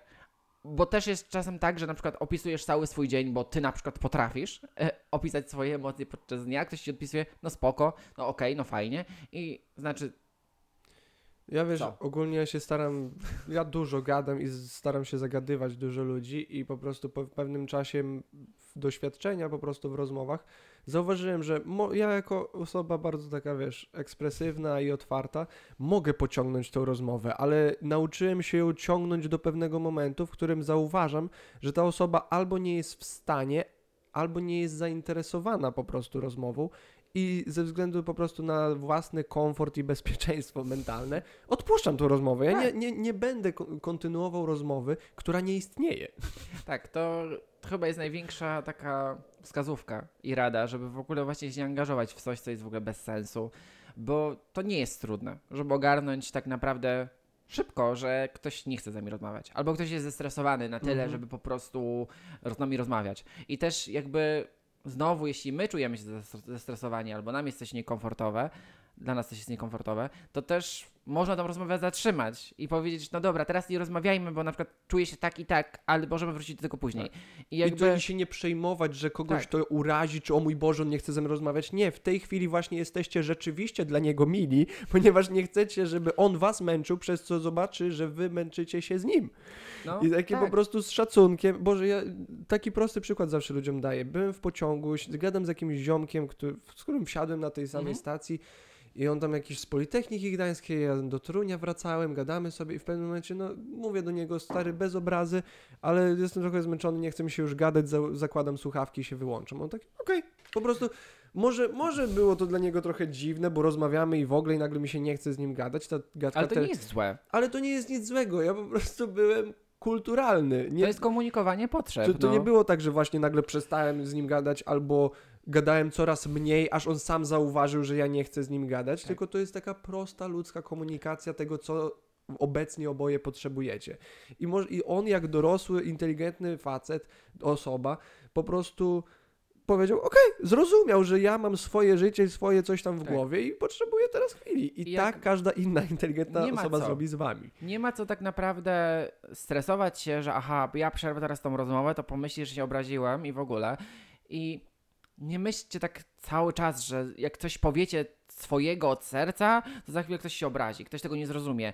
Bo to jest też takie zakładanie złych intencji u kogoś, że od razu, aha, okej, coś popsuje. Nie, Projekcja. nie do końca tak to działa, bo najczęściej to jest tak, że może ta osoba też się czuje skrępowana, a ona też wam tego nie powie i og- ogólnie będziecie Albo wręcz przez... przeciwnie. Tak. I na przykład tak jest zakładacie kompletnie błędnie. i będziecie siedzieć przez kilka godzin na spotkaniu z osobą, z którą w ogóle nie chcecie rozmawiać. Ona z wami też średnio. I tak ogólnie rozmawiać nie będziecie o nic, o niczym. I po co? Nie łatwiej byłoby na przykład, nie wiem, po 20 minutach spotkania powiedzieć, ej, no ogólnie, no dzisiaj nie jestem w humorze do rozmów, y, to może umówmy się jutro albo pojutrze i jakoś to zgramy. Ale, a tak jest dla ciebie męczące, dla niego męczące i nic z tego nie wyniknie, bo jeśli jesteśmy zestresowani, to też zauważyłam, że albo zestresowani, bądź zmęczeni, to ta rozmowa nie idzie. Bo my jesteśmy tak rozproszeni na przykład tym, że aha, ej, jestem głodny, Boże, chce mi się spać, a ktoś do mnie mówi i mam się skupić jeszcze na tym, że ktoś do mnie mówi i mam odpowiedzieć mądrą rzecz, to nie chce się. Naprawdę. Dokładnie. E, dobra, bo tak nas czas troszeczkę goni. Mam jeszcze dwa tematy ważne. Pierwsze co, rozmawialiśmy sobie, wspomniałeś o tym durnym filmie na Netflixie, jak on się nazywał? 300, 65 dni. 365 dni. I mnie tam e, za, troszeczkę rozpaliła ta rozmowa, bo ty mówisz, że to jest tak głupie, że to powinno być w ogóle zakazane na wszystkich. Zgadzam się wciąż. Nie zmieniło się. Okej, dobra. I ja tutaj widzę duży problem, bo ty będziesz chodził na wybory i, i mówisz, że to powinno być e, z- zabronione, w sensie usunięte. Czy je, Mm, poczekaj czy tylko, czy, czy, to, Okej. czy to jest w sensie, ja wiem, że tak mogłem sobie założyć, ale czy rzeczywiście jesteś zdania, że, że to powinno być usunięte w ogóle z oczu publicznych, czy po prostu nie powinno być promowane? To jest w ogóle długi temat. Uważam, że y, to znowu wracam do tego, co powiedziałam przed chwilą, że my nie umiemy przedstawiać opinii na jakiś temat. I jakby z tym filmem jest taki problem, że wiele osób idzie w ciemno i uważa, że to jest dobra pozycja do obejrzenia, bo jest inna. Bo prawda jest taka, że takich filmów nie ma, więc to jest nisza. Blanka wiedziała w co trafić, bo takich filmów nie ma za bardzo, tym bardziej w dystrybucji polskiej. E, I myślałam o tym, że okej, temat jako temat ważne, że on się pojawił, bo tak jak powiedziałeś, to jest istotny temat i tylko chodzi mi o formę. Bo dla mnie forma jest taka trochę jakby sama autorka, mam wrażenie, trochę naoglądała się wielu filmów i złączyła to w jeden, tylko że na przykład w innych filmach merytorycznie to miało jakiś sens. Tutaj bardzo, ale to bardzo gloryfikuje się bardziej te rzeczy, które są złe. Może powszechnie uznane za złe, może tak, inaczej. Yy, Bo uważam, że jakby przedstawienie historii na początku z tego, że spodoba ci się jakaś dziewczyna i ogólnie to sobie możesz ją porwać i tak naprawdę zrobić z nią cokolwiek chcesz, a ona i tak się za to no, potem godzi i się może w tobie zakochać, bo ma 365 dni, bo ją porwałeś na tyle, no to to też daje jakiś taki czerwoną flagę, bo nagle Czyli co? Rozumiem, że osoba, która pójdzie na ten film, może sobie uświadomić, aha, ja mogę to zrobić, bo ogólnie to jest bezkarne, bo ogólnie. Stop, tu muszę cię zatrzymać. Właśnie tak nie jest. Tak samo jakbyś powiedział, że ktoś pójdzie grać w grę komputerową, która jest słaba i ma, ale masz super grafikę krwi i tak dalej, że ktoś znacznie będzie chciał pójść i mordować ludzi, bo stwierdzi, że tak można i że to jest dopuszczalne. To jest tylko jakieś dzieło i nawet jak jest słabe albo durne, cokolwiek, to wydaje mi się, że ludzie powinni to widzieć, żeby móc to przedyskutować i ocenić to właśnie, ponieważ kiedy wciśniesz to w jakiś zakątek rzeczywistości, to nadal to gdzieś tam będzie i ktoś znajdzie do tego dostęp i wtedy jakby skazujesz tych ludzi na brak jakichkolwiek opinii zewnętrznych na ten temat i taka osoba właśnie, która jakoś na to trafiła, będzie najbardziej podatna na te efekty, o których ty powiedziałeś. I to jest stuprocentowy, odwieczny problem cenzury, że, za, że nie scenzurujesz wszystkiego do końca i, i, i te komory z Mhm. echem, w których te rzeczy się ostaną, będą najbardziej niebezpiecznym miejscem dla osób, które gdzieś tam będą na to wystawione. Bo będą pozbawione, to w cenzurze czegokolwiek. Tak samo jakbym, załóżmy, ci mówiłem wtedy ten przykład, że co gdyby ktoś uznał, że y, y, film nakręcony o parze homoseksualnej jest tak okropny i demoralizuje społeczeństwo i w ogóle to trzeba kurwa zakazać, trzeba to zbanować, trzeba... To przecież okropne by było. I dlaczego w jakiejkolwiek innej kwestii ta cenzura miałaby być dopuszczalna? Bo wiesz, jakby kiedy zaczniesz cenzurować cokolwiek, to wydaje mi się, że ta cenzura prędzej czy później za, zawinie koło do ciebie. To tak, jeśli chodzi o w ogóle sam wątek i temat, to uważam, że powinien się pojawiać, bo to jakby to nie jest rzecz, która powinna być ukrywana, tak jak ty mówisz, bo uważam, że im więcej czegoś widzimy i im więcej o czymś słyszymy, tym lepiej to na nas działa, bo mamy po prostu obraz tego, że no życie nie jest kolorowe, tak jak jest w komediach romantycznych pokazane.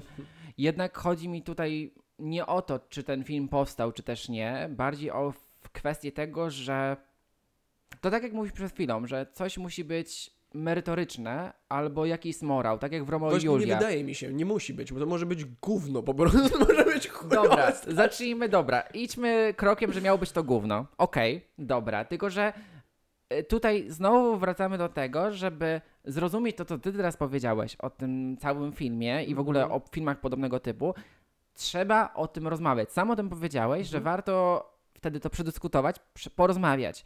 Ale myślę, że niestety to tak do końca nie działa. Bo na ten film myślę, że w większości poszły osoby, które chciały się odchamić i po prostu chciały wyjść z domu i nie wiem, czy to jest dobre spostrzeżenie, czy też nie, ale czasem wiele rzeczy działa zero-jedynkowo. Czyli na przykład, aha, zabrała mnie na taki film żona, to znaczy, że takie rzeczy ją kręcą. I potem przechodzimy w etap przeniesienia tego na przykład na życie codzienne. Tak było w przypadku Greya. Czytałem wiele artykułów, że na przykład y, żona go zabrała na Greya, więc myślał, że takie rzeczy chce, a ona tego nie chciała. I bardzo, ale to bardzo mm, w takich filmach brakuje tego, że to jest na tym przypadku, że to się nie sprawdza u każdego, że to jest rzecz osobista, bo jednak ten film porusza bardzo trudny temat. Nawet jeśli to jest gówno, bo to jest gówno, to porusza trudny temat, bo w ogóle temat porwań, yy, w ogóle odcięcia od rodziny i Syndromu sztokholmskiego. tak, to w ogóle zakochanie się w oprawcy to są super ważne tematy, które, tak jak rozmawialiśmy przed chwilą, one się będą zdarzać i one są w obiegu. Tylko chodzi mi o taką kwestię. Nie wiem, jak to powiedzieć, żeby to nie było sprzedawane jako coś tandetne, takie dla mas, bo się sprzeda, bo ludzie potrzebują Dlaczego? oglądać seksu i w ogóle. e, Po prostu wydaje mi się, że niektóre kwestie społeczne powinny być potraktowane w trochę lepszy sposób, ale może to dlatego, że może czepiam się dlatego, bo nie ma dobrego filmu, który jakby mówi o tym w sposób taki nie róbmy tak, że to jest Właśnie. niewłaściwe. A- No właśnie, ale widzisz, gdybyś zbanował ten film, to jakby uniemożliwiłbyś kiedykolwiek stworzenie podobnego, ale nagle lepszego, dobrego filmu, bo wiesz, to jest minimalna różnica. Osoby, Granica, tak. no. Dokładnie. Ktoś, kto będzie oceniał, czy to powinno być, czy nie, nie będzie widział różnicy, że o, tutaj troszeczkę jest to mądrzej ujęte, bezpiecznie, jakiś jest disclaimer, tutaj jakieś Mhm. kłótnie dodatkowe. Tak tego nie ocenią. Jest, aha, A, B, patrzymy na tabliczkę, aha, banujemy. I to jest to niebezpieczeństwo, że, że wiesz, to się nie, ten, ten, ta cenzura się nie skończy na jednej rzeczy. Tak. Tak, tak samo jak. e, e, Tak samo jak jakieś firmy, które widzą, że o, była afera związana z tym, to my tego na razie nie tykamy przez najbliższe 5 lat, bo wszyscy się na nas teraz znowu rzucą. Co jest no, no, no, ograniczające bardzo po prostu. Tak, to jest bardzo trudny temat, bo niestety, jeśli, tak jak mówisz, jeśli pójdzie ban na jedną rzecz, to jest takie domino, że to leci Dokładnie. wszystko. Że aha, w tym było też ten wątek, pominiemy to, tutaj też to było, pominiemy to. Ale cieszę się mimo wszystko w tym wszystkim, że kino zaczyna być coraz bardziej odważne, że Mhm. wchodzimy w etap mówienia o rzeczach nawet w dowolny sposób, ale to się pojawia. Że aha, mamy to, mamy to, to też istnieje i że to nie jest projekcja w kogoś w głowie, że takie rzeczy istnieją, tylko ktoś już, jakiś reżyser, twórca pokazuje nam, aha, dobra, to istnieje i to ma jakąś fabularną otoczkę, nie tylko wydarzenie z nagłówków z, nie wiem, jakiejś strony internetowej z Onetu, jakiś nagłówek, że kobieta została porwana, Mhm. tylko nagle teraz mamy jakiś zakres, Mhm. że to od jakiegoś momentu do jakiegoś doprowadziło. Nie, że to jest tylko ten skutek ostateczny. I to jest super, że uważam, że im więcej będziemy mówić o takich tematach, tym będziemy bardziej świadomi, ale po prostu no, myślę, że y, to też jest ten problem, że ogólnie teraz wszyscy mogą robić wszystko Mhm. i to jest ten To nie jest problem moim zdaniem, to jest rozwiązanie.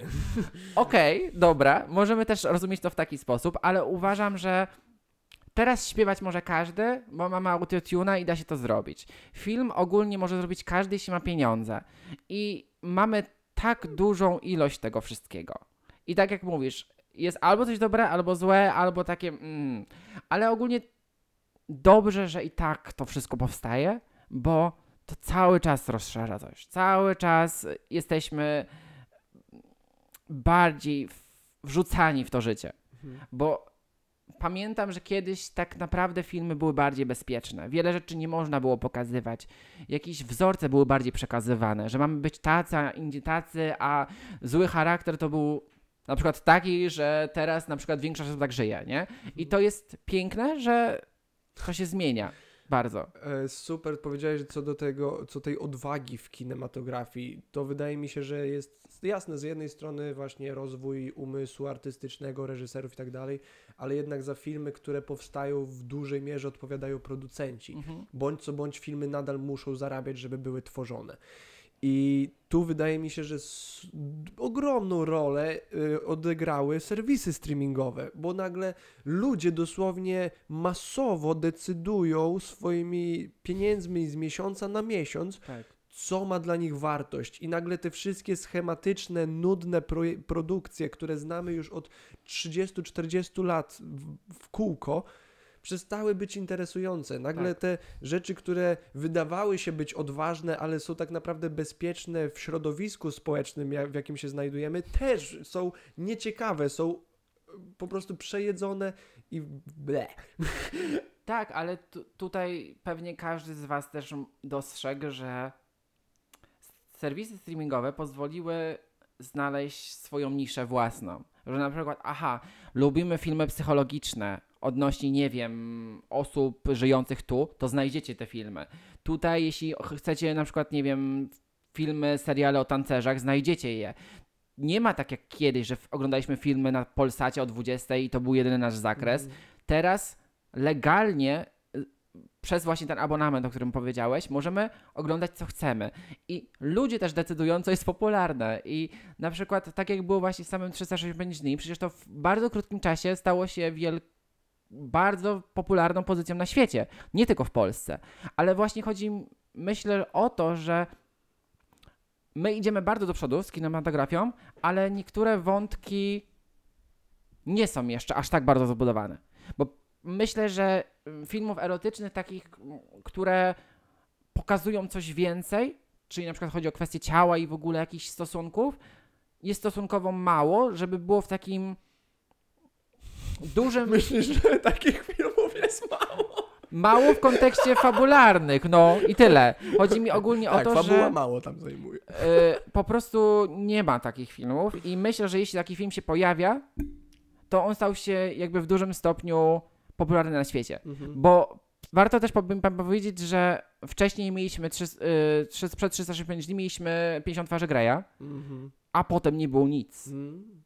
I mieliśmy taką trochę dziurę, więc co by tutaj nie powstało, czy to była Blanka, czy jej film, czy jakikolwiek inny, on by poruszył ludzi, bo jakby o to chodzi, bo często ludzie po prostu czekają na dany film, e, na dany temat, e, a tego na przykład nie ma. I więc no dlatego to też się wybiło. Czy, czy byłoby to dobre, czy złe, czy średnie, to i tak każdy by to oglądał, bo na przykład ludzie byli zafascynowani e, fabułą na przykład w 50 twarzy Greya i ludzie oczekiwali czegoś dalej. A że to było sprzedawane jako coś podobnego, no to...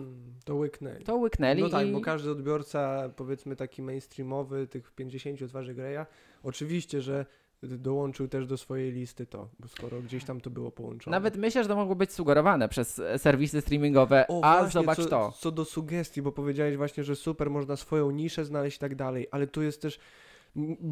Wszyscy musimy być świadomi, że jednak działają algorytmy i przez algorytmy, czy to sprzedażowe, czy to Netflixowe, czy to streamingowe, czy social med- Mhm. mediowe, e, to jednak one nas sprowadzają do jakiegoś założenia o naszej osobie i uniemożliwiają nam, może nie, nie umożliwiają, ale utrudniają nam od, bycie odkrywczym i właśnie, właśnie może odkrycie nowej niszy, która będzie dla ciebie.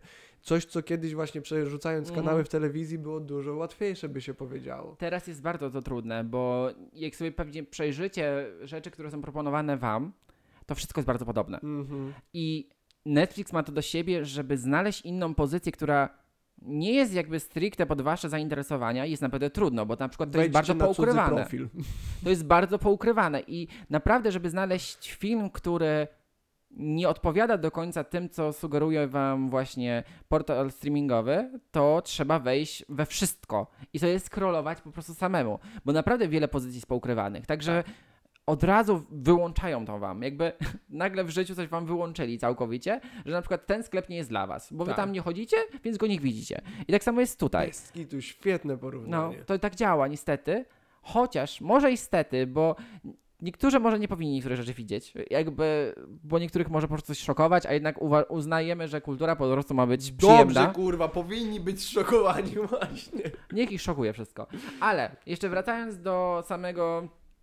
O Jezu. E, 365 dni, to teraz Mhm. jest ta druga część, która nie wiem kiedy wyszła jakoś niedawno. E, no i tutaj problemem dla mnie było to, że pojawiła się ona jedynie na streamingach e, dostępna i premiera też była streamingowa tylko na Netflixie. I tu był dla mnie problem taki, że w przypadku e, premiery kinowej do kina mogły iść osoby, które ten film chciały zobaczyć, a właśnie poprzez premierę tylko na Netflixie mogły zobaczyć to wszystkie osoby. Nawet przypadkiem. I mogły być to nawet dzieciaki, bo ja tam nie wierzę w to w ogóle tą całą ochronę rodzicielską, że w ogóle rodzice to robią. Musisz bardzo dużo starań dołożyć, żeby zabezpieczyć swój komputer przy, tak, przed No właśnie, więc- jakimiś tam treściami nie dla dzieci. To jest dla mnie nie do końca trafne, bo uważam, że jakby. Okej, dzieciaki mogą, muszą o wszystkim wiedzieć, od dziecka po prostu trzeba je edukować we wszystkim. Nie, nie, nie, nie, nie, nie, nie Ale- zgodzę się, nie we wszystkim. Nie powinny, dzieci nie powinny wiedzieć wszystkiego. Właśnie, widzieć wszystkiego. Czyli na przykład uważam, żeby kt- jeśli dziecko by zobaczyło ten film, nie zrozumiało go wcale, bo nie wiedziałoby, co tam się dzieje. Dlaczego w ogóle ten pan ją porywa, w ogóle co tam się dzieje i w ogóle y, to jest ten problem, że jakby ja wiem, że to ta ochrona rodzicielska jest po prostu taką tarczą ochronną Netflixa, że gdyby się coś wydarzyło, no to przecież ta ochrona była. No tak. Można było dziecku to włączyć. Ale no słuchajcie, no pewnie ktoś z was jest rodzicem, kto to ustawia. Bo ja myślę, że nawet dziecko może wiedzieć, Na- jaki jest ten kod. Właśnie, nawet jeśli, jeżeli dzie dziecko powiedzmy już tam paronastoletnie, dzie- około dziesięcioletnie, No. jeżeli ma komputer od paru lat, ogarnie. Tym bardziej, że tam można dodać drugie konto nowe i tak naprawdę to wszystko się resetuje i to jest wszystko takie takie puste, że jakby okej, mamy to, ale tak naprawdę tak to dziecko może ten film obejrzeć gdziekolwiek indziej. Nawet jeśli nie na Netflixie, to może sobie wpisać gdziekolwiek, bo myślę, że dziesięciolatkowie potrafią bez problemu wyszukać informacje. No, ciekaw jestem też, czy to coś takiego by było interesujące dla nich, ale rozumiem sam argument, że jest to po prostu, że jest to możliwe i nie jest to trudne. A. No bo tak jak powiedziałeś, mm, też dostrzegłem to, że Netflix jest bardzo masowy. Coraz więcej rzeczy powstaje. To nie jest tak, jak było na początku Netflixa, że pozycji było bardzo mało. Teraz jest tego aż za dużo.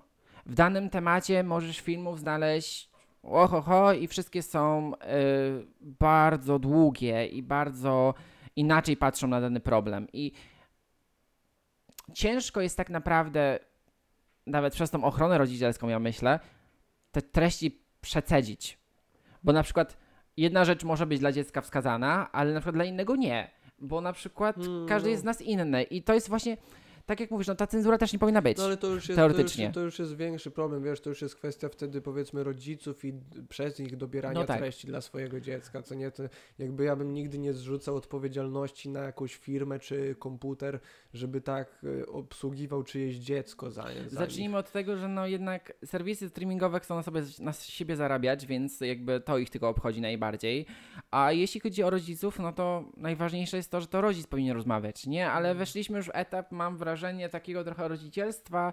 Masz tablet, yy, zajmij się trochę, a ja coś Znaczy, porobię. No, to jest na pewno obecne, tak jak kiedyś było postać dziecko przed telewizorem, tak jak kiedyś było daj mu główkę maku do ssania.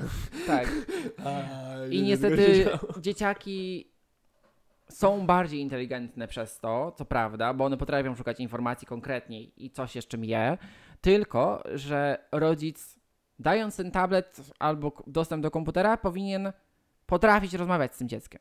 Nie? Dlaczego na przykład, co oglądasz, co oglądałeś ostatnio, co z tego wyniosłeś, żeby ta rozmowa była, żeby to nie były puste informacje, bo Mhm. myślę, że tyle dzieciaków ma te TikToki wszystkie. Mam wrażenie, że to jest w ogóle jakieś takie niezbędnik dziecka teraz.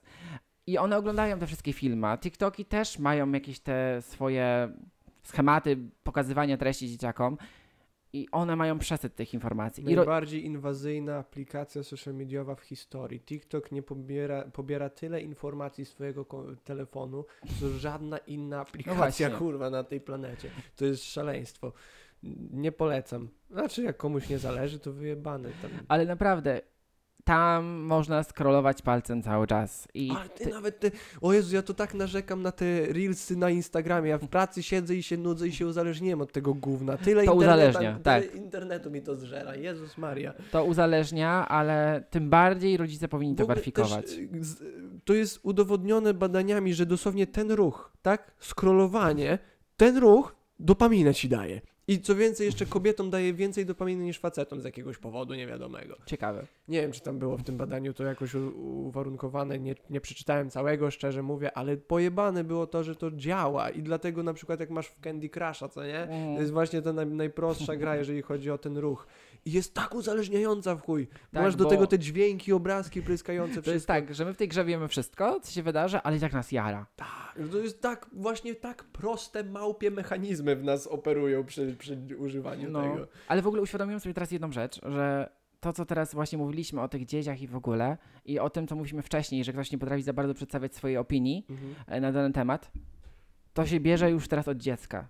Teraz sobie uświadomiłem, że jeśli Oczywiście. rodzic nie rozmawia z dzieckiem, co on ogląda, i dziecko nie przekazuje nikomu tych informacji, emocji, co obejrzało w danej chwili na tym TikToku, no bo wątpię, żeby każde dziecko na przykład pisało, ej, do koleżanki, ej, obejrzałam to fajne, co? Albo To ja ludziom to zawsze powtarzam, dzielcie się memami, wszyscy wysyłajcie sobie Tak. memy, filmiki, dzielcie się tym, na co obecnie akurat patrzycie, o czym myślicie, yy, co znaleźliście i z, wiecie, znacie swoich znajomych, wysyłajcie to do tych, których znacie. Ty tak samo, w sensie ja to w chuj rzeczy ludziom wysyłam i żałuję, że mi ludzie mało wysyłają, bo wiem, że też siedzicie i oglądacie to wszystko i to jest dla mnie ekstra, że możesz takie dosłownie pomysłami się dzielić z ludźmi na, i to na, na bieżąco w ciągu całego dnia. I on to może zobaczyć kiedy tylko chce i wtedy wie o czym ty myślisz, co widziałeś, czego doświadczyłeś, może coś ci na to odpowiedzieć, może sam coś o tym pomyśleć. Tak dużo informacji może być przetransformowane i e, prze... Jednym kliknięciem tak naprawdę. Dokładnie. Bo przekazujesz zdjęcie, kliknięciem wyścig dalej i wysyłasz. Tak. I tak naprawdę co jest ważne, to my serio ma- możemy się poznać tego lepiej. ko- Tak, tak, dokładnie. Możemy poznać, ej, ciebie to śmieszy, aha, nie rozumiem. To jest nie? nawet jakaś forma utrzymania kontaktu ze sobą. Nawet nie trzeba pisać. Dokładnie. Wystarczy wysłać sobie na przykład mema i aha, łapie, taki ma humor, nie? Tak. I tak naprawdę poznawanie się wzajemnie jest bardzo długim procesem, a w taki sposób jest strasznie łatwo to zrobić. Tak. Bo na przykład, aha, lubi taką muzykę, lubi takie memy.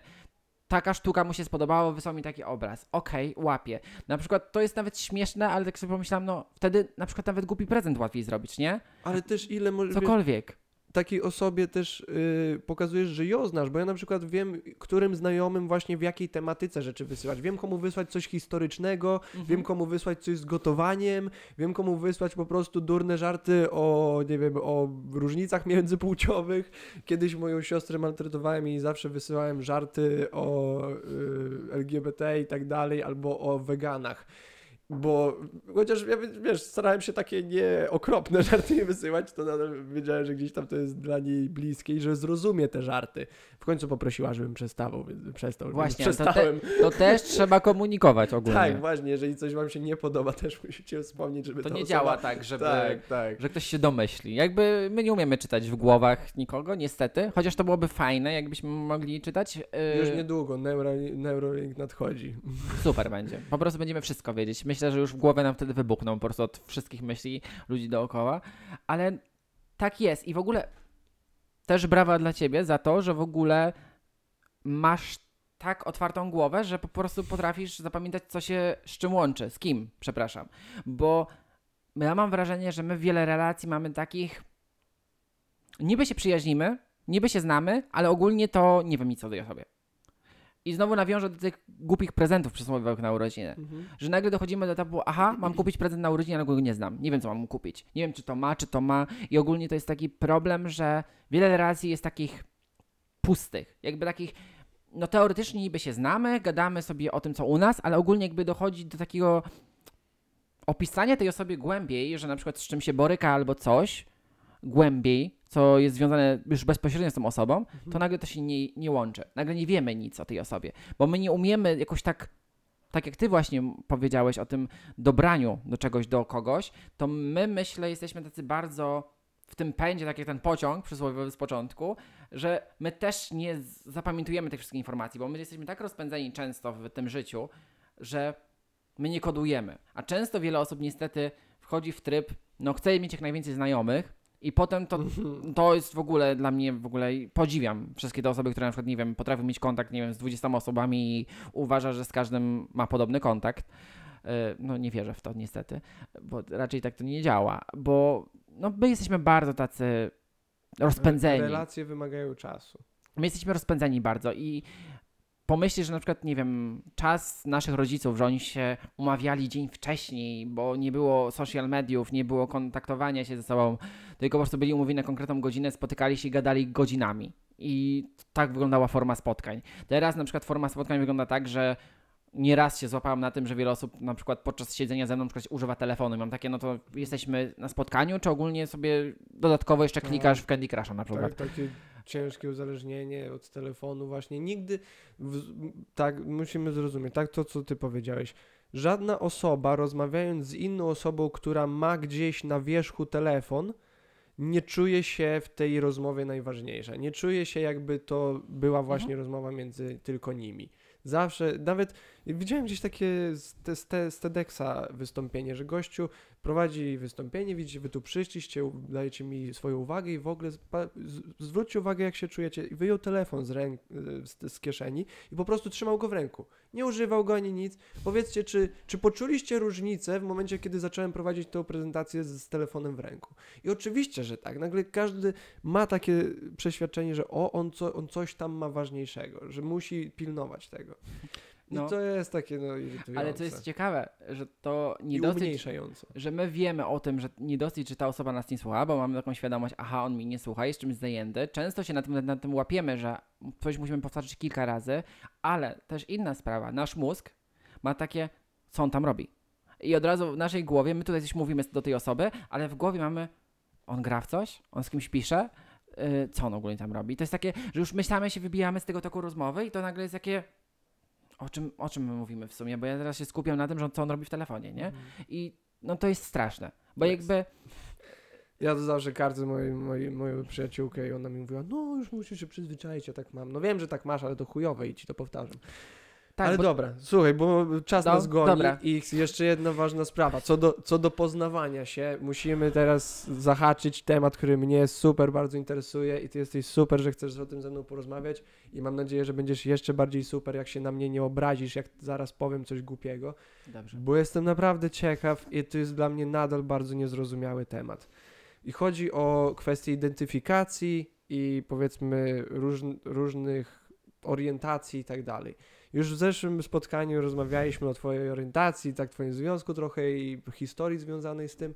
Super, jeżeli ktoś nie słuchał, polecam wrócić do 19 odcinka też e, naszego Dwie wspólnego. godziny rozmawiania, więc macie co słuchać. Tak, jest, jest to naprawdę ciekawa, fajna historia rozwinięta, ale nie, sku, nie skupiliśmy się ostatnio właśnie na tym, ty mówisz, identyfikujesz się jako osoba niebinarna. Tak. Okej, błagam cię, wytłumacz mi to, co to znaczy. O Jezu, ale to jest stałe pytanie, jakby o co chodzi. Yy, jakby to jest kwestia taka, że nie identyfikuje się ani jako mężczyzna, ani kobieta. Yy, To jest I- bardzo proste, ale właśnie jak ja przeczytałem post na twoim profilu, który właśnie stanowił to zdanie, to powiedz mi, jaką w takim razie masz definicję mężczyzny i kobiety? to jest dobre. To, to jest bardzo dobre pytanie. Bo żeby się nie identyfikować z tymi y, dwiema rzeczami, musisz mieć jakąś definicję do identyfikacji. Yy, nie wiem, czy to zabrzmi dobrze, ale yy, w dużym stopniu uważam, że jakby sama forma osoby niebinarnej powstała z tego trochę stereotypowego świata. Tak, tak Jeszcze mojej, raz, z czego? z takiego stereotypowego świata, w którym Okej. żyjemy, że jakby mężczyzna ma być taki, kobieta ma być taka. I mam wrażenie, że jakby figura osoby niebinarnej jest taka trochę przedzierająca jakieś takie ścieżki, które nie są wydeptane, że jakby można być pomiędzy. I ja mam wrażenie, że wiele osób tak ma, że na przykład nie czuje się przypisana do danej płci, bo ja też zauważam, że my bardzo boimy się jakby trochę eksperymentować z tym, że coś nie do końca jest dla nas i w sumie nie do końca nie zawsze to rozumiałem. Dlaczego na przykład chłopacy, jeśli mają długie włosy, teraz już nie, ale jako dzieciak pamiętam, dlaczego chłopacy jako długie włosy były nazywane dziewczynkami. Dlaczego to jakby wtedy było już jakby uznawane, że to dziewczynka może mieć tylko długie włosy. Tak samo było ze strojami. Dlaczego na przykład e, kolory, tak?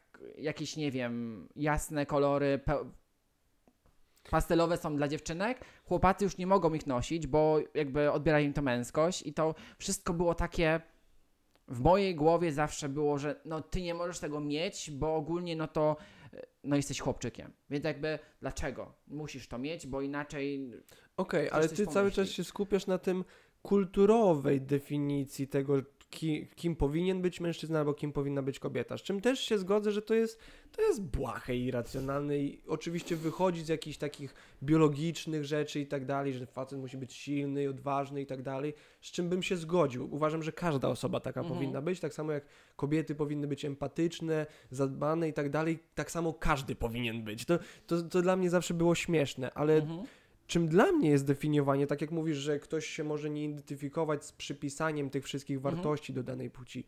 Dla mnie jedyną wartością, jaka jest przypisywana do płci, to jest po prostu naukowa biologia. Jeżeli rodzisz się z danymi cechami, tak samo jak, nie wiem, czarne włosy czy biała skóra, to jest twoja cecha, która jest jakoś nazwana, żeby uprościć identyfikację międzyludzką. I tak samo dla kobiety, jeżeli masz takie narządy, takie chromosomy, jesteś nazwana przez to kobietą, jesteś kobietą. I nigdy nie znaczyło to dla mnie, że oczywiście kulturowo tak się ludziom wmawiało, ale dla mnie nigdy to nie było bezpośrednim przełożeniem, że ty musisz być taka, czy mu... Ja miałem koleżankę na moim osiedlu, dwa lata starsza dziewczyna, bardzo męska by, by się powiedziano. Nazywano ją, że jest chłopczyca tak zwana, bo lubiła bardzo sporty, się tarzała w błocie z nami, się w, w bójki czasami wbijała. Jako jedyna dziewczyna była na obozie survivalowym gdzieś tam na wakacjach. Naprawdę super twarda dziewczyna. I super, nadal była, nadal była kobietą, w sensie 100%, na- nikt by nie powiedział, że nie jest kobietą, ale ona mogłaby w dzisiejszych czasach powiedzieć, że nie, jestem facetem i dla mnie to jest irracjonalne, że to nie jest kwestia, to tak jak ja bym powiedział, mam blond włosy, to dla mnie nie ma sensu, bo przecież nie mam blond włosów. Ja mogę uważać, że mam blond włosy, ale w takim postrzeganiu obiekt... e, wróć, tak, dobrze, obiektywnym, no tak nie jest. I dlatego ludziom, wydaje mi się, że właśnie dlatego ludziom, z czym ja się od razu mówię, że nie zgadzam. Jest to moim zdaniem kwestia psychiczna, bo też to psy, psychologiczna, nie psychiczna, psychologiczna, bo też moja siostra mi tłumaczyła w ten sposób, że są różne formy właśnie e, definiowania i identyfikacji, że biologiczna jest tylko jedną z nich. Mhm. I okej, czy w takim razie, skoro to rzeczywiście jest psychologiczne, to czym to się różni od wiary? Jak na przykład ktoś wierzy w to, że jest Bóg i że zachowuje się tak, jak byłby Bóg i tak dalej, i to jest w porządku. Powinien móc to robić i nie powinien być za to ani karcony, ani obrażany, ani nie powinien mieć gorszego życia przez to. Nic, absolutnie nic z tych rzeczy. Ale nadal jest to subiektywna forma in, interpretacji rzeczywistości. Nie jest to coś obiektywnego, coś, co właśnie próbuje się ludziom, którzy są przeciwko osobom, które się Mhm. identyfikują w alternatywny sposób do tego klasycznego, yy, wmówienia, że to jest po prostu choroba psychiczna. Czym ja się nie zgodzę oczywiście, że to jest choroba, ale jest to, tak jak teraz ty mówisz, coś zahaczone tylko o kulturę, więc czysto metafizycznym, psychologicznym konstruktem. Tak, jakby ja się z tym zgodzę, bo ja wychodzę z założenia, że w ogóle każdy może się określać jak chce, bo taką myśl zawsze mam w głowie, że gdyby nie nasi rodzice na przykład, tak? Gdyby ktoś nam nie powiedział, że jesteśmy chłopczykiem czy dziewczynką, czy byśmy wiedzieli o tym? Nie. I tak naprawdę wszystkie zachowania, które nam są Okej, Jakby- ale wiedziałbyś, że jesteś inny. Załóżmy, no jak ja bym z chłopcami stał, moglibyśmy podzielić się na kobiety i mężczyzn tylko ze względu na patrzenie na siebie Nawet na wygląd, tak, jasne, oczywiście. Tylko po prostu uważam, że wszystko to jest w naszej głowie. I jakby, tak jak ty mówisz, to jest jakby psychologiczna kwestia, bo jakby nikt nie musi się z tym zgadzać. Mhm. Jakby to nie jest tak, że to jest udowodnione naukowo, że aha, dobra, to jest ten moment i teraz już możesz tak się określać. Jakby nie, no bo to działa po prostu w naszej głowie. Tak samo na przykład, nie wiem, kwestia wyboru zaimków, jakimi się posługujesz, tak? No to też jest jakby kwestia wyboru własnego. Właśnie, dla, dlaczego to jest aż takie ważne? W- sensie, bo wiesz, ja rozumiem, że dla ciebie to może być ważne, ale dlaczego wywieranie nacisku na całym społeczeństwie, czy nawet na prawnej strukturze państwa jest tak ważne dla tego wszystkiego? Gdyby nagle Kościół zaczął krzyczeć, że wszyscy muszą się do siebie zwracać zamiast dzień dobry to szczęść Boże, to byłoby po prostu chaos i zatrzęsienie na ulicach. Jak tak można? Więc dlaczego ktoś, kto wymyśla sobie, że chce być nazywany w jakiś sposób, który właśnie jest nieuwarunkowany niczym innym niż tylko jego wyobrażenie, miałoby być rzeczywiste i jakby szanowane, ok, ale w sensie wiesz, użytkowe. Dlaczego dla wszystkich miałoby być? Dlaczego moje albo na przykład, bo, bo to jest dla mojego komfortu, ok, ale dlaczego teraz twój komfort ma być e, ceniony komfortem wszystkich innych. Okej, to, to co powiedziałeś jest istotne, bo często wychodzę z założenia, że powinniśmy to właśnie siebie stawiać na pierwszym miejscu. Nie jakby, no to źle zabrzmi, ani potrzeby innych ludzi, ale to jednak ze sobą jesteśmy całe życie i te 24 godziny na dobę. I powiem tak, jeśli chodzi o te zaimki, o których ty mówisz, Mhm. yy, to ja uważam, że to jest nawet z, po prostu z czystego szacunku do tej osoby. Bo jakby ja też o to nie walczę. Ja na przykład nie mówię, że oho Boże, mów tylko do mnie tak, bo inaczej to będę obrażony i w ogóle się nie odzywam. Tutaj właśnie doszliśmy do etapu świata, mam wrażenie, w którym po prostu to jest rzecz naturalna, że po prostu się o to pytamy. Niektórzy tego nie rozumieją, nie wiedzą po co, więc tak jak mówiłem chyba w tej pierwszej części naszego podcastu, tamtego e, odcinka, że ja nie wmuszam na nikim, tak? Jeśli już czuję, że okej, to się nie klei, że nikt nie rozumie o co mi chodzi, no to po prostu odpuszczam. I tak trochę to powinno działać, że jakby Mhm. nie możemy narzucać, okej, dobra, dla ciebie jestem tym i tym i ogólnie inaczej to już nie możemy funkcjonować. Jakby nie, bo tak naprawdę możemy znaleźć takie osoby, które to zrozumieją i naprawdę jest nas dużo na świecie i jakby nie musimy naprawdę na siłę edukować, zmieniać cyklu kogoś życia, bo nasze życie się zmieniło i jakby okej, tak, super, gdyby te osoby to zaakceptowały, ale nigdy nie miałam na celu, ej, zrozumcie, że jestem taki i taki i jakby inaczej, jak uznacie, że jestem mężczyzną, to już Jezus Maria zabije was i w ogóle nie Mhm. będziemy mieć kontaktu. Nigdy nie miałam tego na celu. Zawsze podchodziłam do tego, że jeśli okej, nie wiesz, tak jak ty na przykład, no to zapytaj, po prostu porozmawiajmy o tym, ja wytłumaczę dlaczego. Starałam się jak najbardziej to opisać w ogóle długo i jakby ja nie mam z tym problemu. Jeśli komuś to przeszkadza, okej, dobra. Jakby nie musimy się przyjaźnić, nie musisz y, mnie wspierać w tym i tyle. No po prostu taki jestem, tak? To była moja decyzja, y, do tego sam Ale dotarłem. widzisz, jaki ty jesteś w tym inteligentny i pełen szacunku po prostu i do siebie, i do innych w takiej sytuacji. A właśnie ja, dlaczego w ogóle o tym rozmawiamy teraz tak naprawdę, to, to jest związek z tym, że osoby, które właśnie e, mają te alternatywne identyfi- identyfikacje z samym sobą czy ze środowiskiem i są tak wręcz agresywnie nastawione do osób, które tego nie rozumieją. I jak na przykład moja siostra, która też powiedzmy się identyfikuje, nie, chyba się identyfikuje jako kobieta, ale jest tam biseksualna i w ogóle jest bardzo zaangażowana powiedzmy w sprawy osób właśnie transpłciowych, dobrze mówię? Mhm. Okej, i powiedzmy innych orientacji i tak dalej. I ona jest po prostu na mnie zła, że kiedy z, z, rozmawiamy o tym, to ja nie rozumiem i próbuję ją docisnąć, jakby tak jak teraz ciebie troszeczkę tak pogłębiając te pytania. I wręcz to jest agresja, nie, nie, nie tylko Ale to jest irytacja. cenne. Po pierwsze, cenne jest to, że w ogóle jako osoba, można powiedzieć z zewnątrz, y, w jakiś stop, po stopniu, y, dopytujesz. Bo wiele osób y, tego nie robi. Jakby wiele osób boi się zadawać pytania, które będą wiązały się z odpowiedzią, na przykład z mojej strony. Na przykład, jak ja bym zadał jakieś pytanie do ciebie związane z tym, co ja na przykład przed chwilą powiedziałam. I wiele osób na przykład boi się stąpać po niepewnym gruncie, bo jakby o tym się nie mówi ja tak naprawdę dowiedziałam się o tym, nie wiem, w wieku 23 lat w ogóle, że takie coś jest. I nagle miałam takie, ej Boże, to jestem ja. Mhm. Że to cały czas było w moim życiu, to się wydarzyło, ale ja musiałam dojść do tego. Jakby musiałem przez ten temat, który pojawił się na studiach właśnie o takich osobach, to miałam takie, Jezu, to istnieje, a ja wtedy nawet wcześniej o tym nie wiedziałam.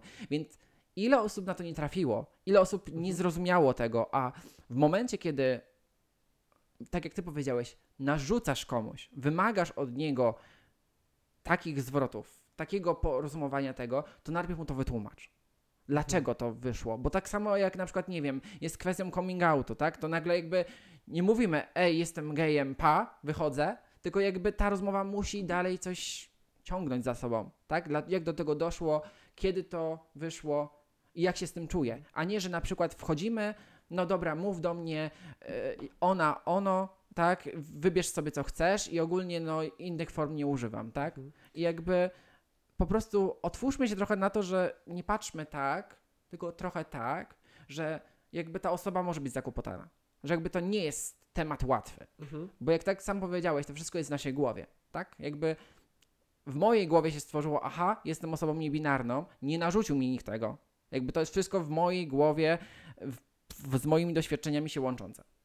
A jeśli ktoś nie pozna moich doświadczeń, które do tego doprowadziły, to skąd ma to wiedzieć? To teraz może jeszcze tak y, ciupinkę się cofnę. Jak twoje, twoja identyfikacja bycia niebinarnym ma się z twoją biologią bycia mężczyzną. Lubię to. to co to znaczy? E, jakby to jest pytanie, które też często pada. Czy po prostu planuję jakąś zmianę i w ogóle. To nie. Jakby e, często tutaj też warto po prostu osobę niebinarną spytać, jak się czuje ze swoją właśnie biologiczną stroną. Bo są takie osoby, które są na przykład osobami, e, Boże, niebinarnymi, które po prostu planują korektę płci, ale to nie jest połączone, nie? To nie zawsze jest tak, że to jest pewne. Czasem tak, czasem nie. W moim przypadku jest mi dobrze tak, jak jest. Ja po prostu kocham swoje ciało i jakby ja nic nie chcę zmieniać. Zresztą e, Więc pytanie znowu, skoro akceptujesz, kochasz swoje ciało, sorry, że tak ci wchodzę, ale muszę, mu, chcę, chcę cię zrozumieć. E, a też nie chcę, żebyś się trochę za mocno rozwinął, żeby mi myśl Tak. uciekła. Więc skoro to akceptujesz i, jak powiedziałeś, kochasz swoje ciało, co jest cudowne, cudownie słyszeć, to co ci daje porzucenie tej identyfikacji, czy porzucasz identyfikację jakby pewnego rodzaju buntujesz się przed założeniem, czym mężczyzna w społeczeństwie jest, ale akceptujesz po prostu to, czym jest twoje ciało, czy dla, dlaczego, dlaczego nie możesz pozostać mężczyzną, skoro swoje ciało akceptujesz? O tak. to ciekawe pytanie. No powiem bo szczerze. wiesz, bo, bo E, tak, tak, rzu- ja rzucę rozumiem. bycie niebinarnym jakby nic tak naprawdę nie zmienia poza tym, jak ty się nazywasz w swojej głowie. Tak, to prawda. To wszystko znowu wracamy do, tutaj do głowy. E, może właśnie przez ten komfort. Jakby, że ja niczego nie muszę. Że jakby Mm. ja nie muszę wchodzić w jakieś ramy, że ja nie muszę niczego spełniać. Nie ma jakichś oczekiwań wobec mnie, bo niestety te oczekiwania kulturowe są dość duże. Okej, i myślisz, że teraz ich nie ma? Mm, Nie wiem, jakby wychodzę z założenia, że otaczam się ludźmi, którzy po prostu to rozumieją. Jeśli ktoś tego nie rozumie, no to trudno, tak naprawdę. Jakby, jeszcze raz powiem to samo, ja nie próbuję nikogo edukować na siłę. Ja nie próbuję z nikim walczyć, bo na przykład kwestia w pracy jest taka, że no oczywiście muszę być na plakietkach Szymonem, ale oczywiście ludzie wiedzą o drugim imieniu. I jakby szanuję to, że na przykład starsze panie, które mają lat, nie wiem, ponad 60, Mhm. mówią do mnie Eli i to jest miłe. O. I jakby one nie muszą znać całej historii, dlaczego to imię powstało. Bo jak wychodzę z założenia, przecież tak jak powiedziałeś, w ich mniemaniu to nic nie zmieni. Dokładnie. I jakby nie mam czasu na tłumaczenie, co to jest niebinarność, bo one na pewno tego nie będą wiedzieć. I tym bardziej, czy one są ciekawe. W sensie, jeżeli akceptują to, jak jest i po prostu żyją sobie spoko, to nie musisz tego tłumaczyć Tak. w sumie. Tak samo jak oso- osoby nie muszą. Ja to z ori- z orientacją tak się śmiałem, że to tak naprawdę nie ma znaczenia. Jeż- Jeżeli ja kogoś poznaję, to po prostu poznaję tą osobę, czy ona jest fajna, czy Tak. nie. Jeżeli ktoś do mnie podchodzi w pierwszych, w pierwszej godzinie rozmowy, ona mi mówi, kogo lubi ruchać, albo jak ona na siebie patrzy nago w lustrze, to ja mam takie, coś z tobą jest kurwa nie tak i to nie dlatego, Jakby- że akurat tego kogoś ruchasz, tylko dlatego, że o tym teraz mówisz. Uważam, że tak, jeśli chodzi w ogóle o rozmowy, warto poruszać wszystkie tematy, tylko czasami warto sobie w Wyczucie. głowie wyczuć, gdzie dany temat może się pojawić na linii kontaktu, bo no nie. A ostatnio w ogóle, chyba wczoraj, szliśmy właśnie z Bartkiem i miałam taką rozkminę, że Mhm. ludzie w Polsce nie myślą o tym, że ej, kasjer, który mi obsługuje, może być gejem. Fryzjerka, która na przykład strzyże mi włosy od lat, że jest lesbijką. Nikt o tym nie myśli w ogóle. Bo nikogo to nie obchodzi tak Nikogo naprawdę. to nie obchodzi, ale potem z drugiej strony te same panie mówią, o Jezu, LGBT w Polsce, a mówię, myślałaś o tym w ogóle? Czy osoby z otoczenia, którym się otaczasz na co dzień, mogą być w tej mniejszości? W ogóle właśnie, to jest ten problem, że to jest nieważne. Tak jak, To nie jest ale istotne. kurczę, ale nie wiem, czy mi przyznasz rację, ale mi się wydaje, że to jest też trochę teraz spowodowane po prostu e, nie skrajnościami, a radykałami. Tak jak kiedyś ludzie właśnie po prostu os- no, gejów, osoby homoseksualne uważały za tych pojebów z kutasami na czołach, bo ci, radykalni przedstawiciele pokazywali się na tych marszach jakby publicznie i dopiero kiedy to zostało jakby rzeczywiście troszeczkę wypłaszczone z uwagi na to, że każdy ma telefon w ręku i kamerę, to zostało troszeczkę unormalizowane i nagle ludzie, a no tak, przecież to są zwykli ludzie, tak jak wszyscy. I tak samo teraz te osoby, które krzyczą na starszych facetów, wiesz, farbują się jakoś nie wiadomo jak, właśnie próbują, czy same operacje plastyczne, tak, które raz są, są niebezpieczne, dwa nie tłumaczy się ludziom zagrożenia z, ni- ich z nimi związanymi, No tak. trzy kurwa, nadal nie wyglądasz tak, jak myślałeś, że będziesz wyglądał. Więc przez te radykalne właśnie, powiedzmy, osoby, które często nawet po prostu wykorzystują, mam, nie wiem, pytam się teraz ciebie, czy zgodzisz się ze mną, że są osoby, które po prostu wykorzystują właśnie ca osoby, mm, może nie, teraz nagłośnienie w mediach i wpływu i znaczenia właśnie tej całej kultu kultury, nie wiem, osób po prostu, o, o innych osób w społeczeństwie, o których wcześniej się nie mówiło, e, żeby wykorzystać to jakoś, tak jak osoby tak korzystające faceci, którzy nagle przechodzą tylko płeć, żeby wchodzić do damskich szatni, tak po prostu drapieżniki, tak i wśród kobiet i jest- wśród mężczyzn. To jest w ogóle trudna sprawa. Ale po prostu, Bo- czy, czy byś się zgodził, że tacy niestety są ludzie, którzy wykorzystają to w taki sposób? Wiele osób w ogóle jest takich, że nie do końca rozumie, że na przykład ich zachowanie może zaszkodzić reszcie. I tak myślę, że jest z nie tylko takimi mniejszościami, ale ze wszystkim. Że na przykład, nie wiem, jeden nauczyciel coś zrobi, to wiadomo, że spadnie fala hejtu na wszystkich. Mhm. Jako społeczeństwo jesteśmy mimo wszystko bardzo połączeni i jakby właśnie ta cała taka stereotypowa wizja geja, która była lata temu wbita do głowy tym wszystkim osobom, które oglądają telewizję, Mhm. naprawdę cholernie trudno jest przejść przez to. Mhm. Tym bardziej, że teksty kultury też nie oszczędzały, bo wiele było seriali, które pokazywała ge- pokazywały geja jako najlepszego przyjaciela dziewczyny. Mhm. I ten stereotyp taki straszny wręcz, bo po prostu to był zawsze jakiś taki nadaktywny koleś, Jak który ostatnio mówiliśmy o filmach, tani chwyt po prostu. tani chwyt. I teraz weszliśmy w etap lepszy, ale gorszy pod względem tego, że wpychamy reprezentację wszędzie. I to może być trochę z, źle odbierane, bo To zobaczyliśmy na bazie y, akcji Netflixa, tak? tak, Które stankowały, już ludzie mieli dość po prostu, takie what the fuck are you jest doing, guys? nawet tak naprawdę taki ogrom mniejszości we wszystkich filmach. I czasami to jest tak, że po prostu to jest jakby taki element, który jest wepchnięty. Bo czasami ja rozumiem, że na przykład niektóre wątki fajnie, jeśli są rozbudowane właśnie o postacie z mniejszości, Mhm. ale czasami jest tak, że to jest wepchnięte. Żeby było, aha, macie reprezentanta, cieszcie się. Tak. Takie, że on, on dosłownie, jego rolą w tej Tak. produkcji jest bycie tym kimś. Tak, e, kiedyś były y, kwestie z. Mm, Boże, z kolorami skóry. To był taki moment, że w 2010 weszliśmy w etap, aha, najlepiej, żeby było wielokolorowo, Mhm. bo wtedy to się sprzeda, bo do każdego odbiorcy to trafi. Teraz wchodzimy znowu w etap, że no teraz na bazie tego, że walczymy o mniejszości, no to teraz dajmy tutaj wszystkie orientacje seksualne w jednym serialu na przykład. I czasami to czujesz, że ej, no to nie gra. Bo na przykład, To chamskie po prostu tak jak jest. powiedziałem chyba to wtedy, chociaż tak nie wiem, czy to cały mówiłem. ten Pride Month, tak? To jest po prostu wykorzystywanie ludzi. Powiem tak, jakby mm, robienie całych kolekcji ubrań, wszystkiego z flagami, tylko w tym jednym miesiącu, tylko w tym jednym, Tak jak Black Man w History w Stanach, tak? jakby dlaczego? Dlaczego nie można robić tego cały czas? Tylko robimy w jeden miesiąc i wtedy po tym miesiącu wszystko robi się czarno-białe nagle, koniec.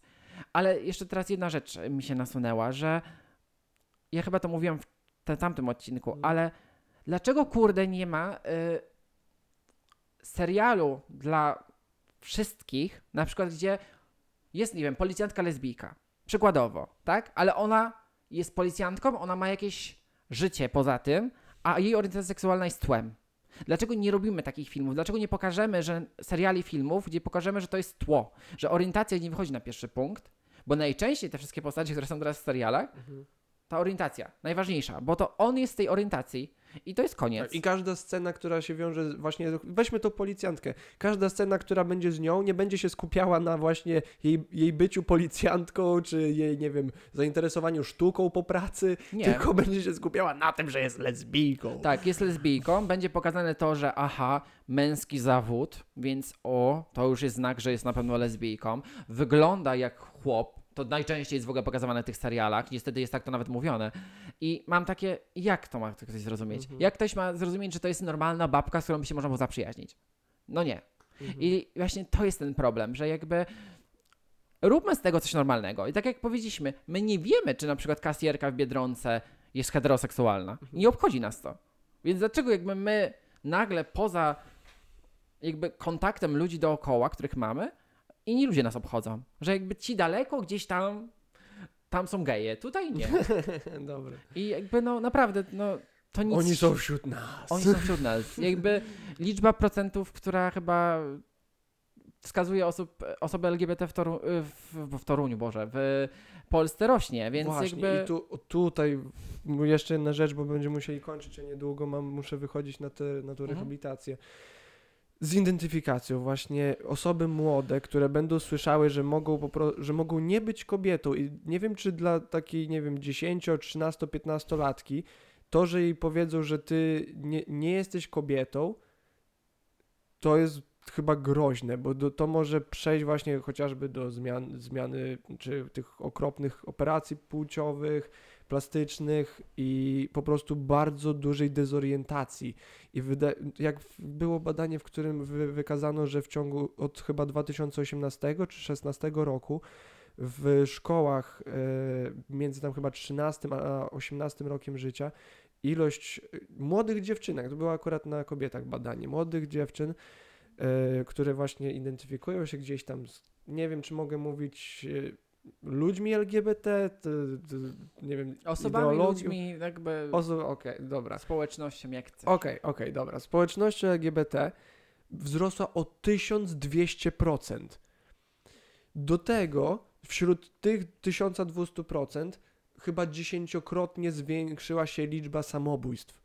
To jest coś, o czym nikt nie rozmawia i jest to dla mnie okropnie przerażające i wydaje mi się, że dla tych wszystkich rodzin, osób dotkniętych tymi stratami jest to tym bardziej przerażająca wizja, bo jakby kiedy zabronisz ludziom to krytykować, tak, czy e, w ogóle się unosić, to dojdzie do takiego punktu jak w Kanadzie, gdzie facet dosłownie został wsadzony do więzienia za to, że do własnej córki zwrócił się jak do córki, a nie jak do syna.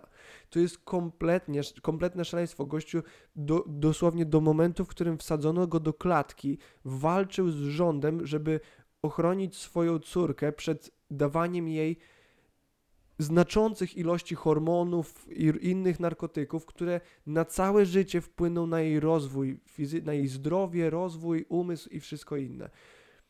I jeżeli nie, nie można o tym rozmawiać, na szczęście w Polsce to jest jeszcze trochę w drugą stronę problem, tak, że nie można o tym porozmawiać w drugą stronę dla To osób, nie istnieje. Właśnie, że praktycznie, że to nie istnieje, że to jakieś szaleństwo. To jest tu jeszcze większy chyba, nie, nie jest to większy problem, ale równie duży problem.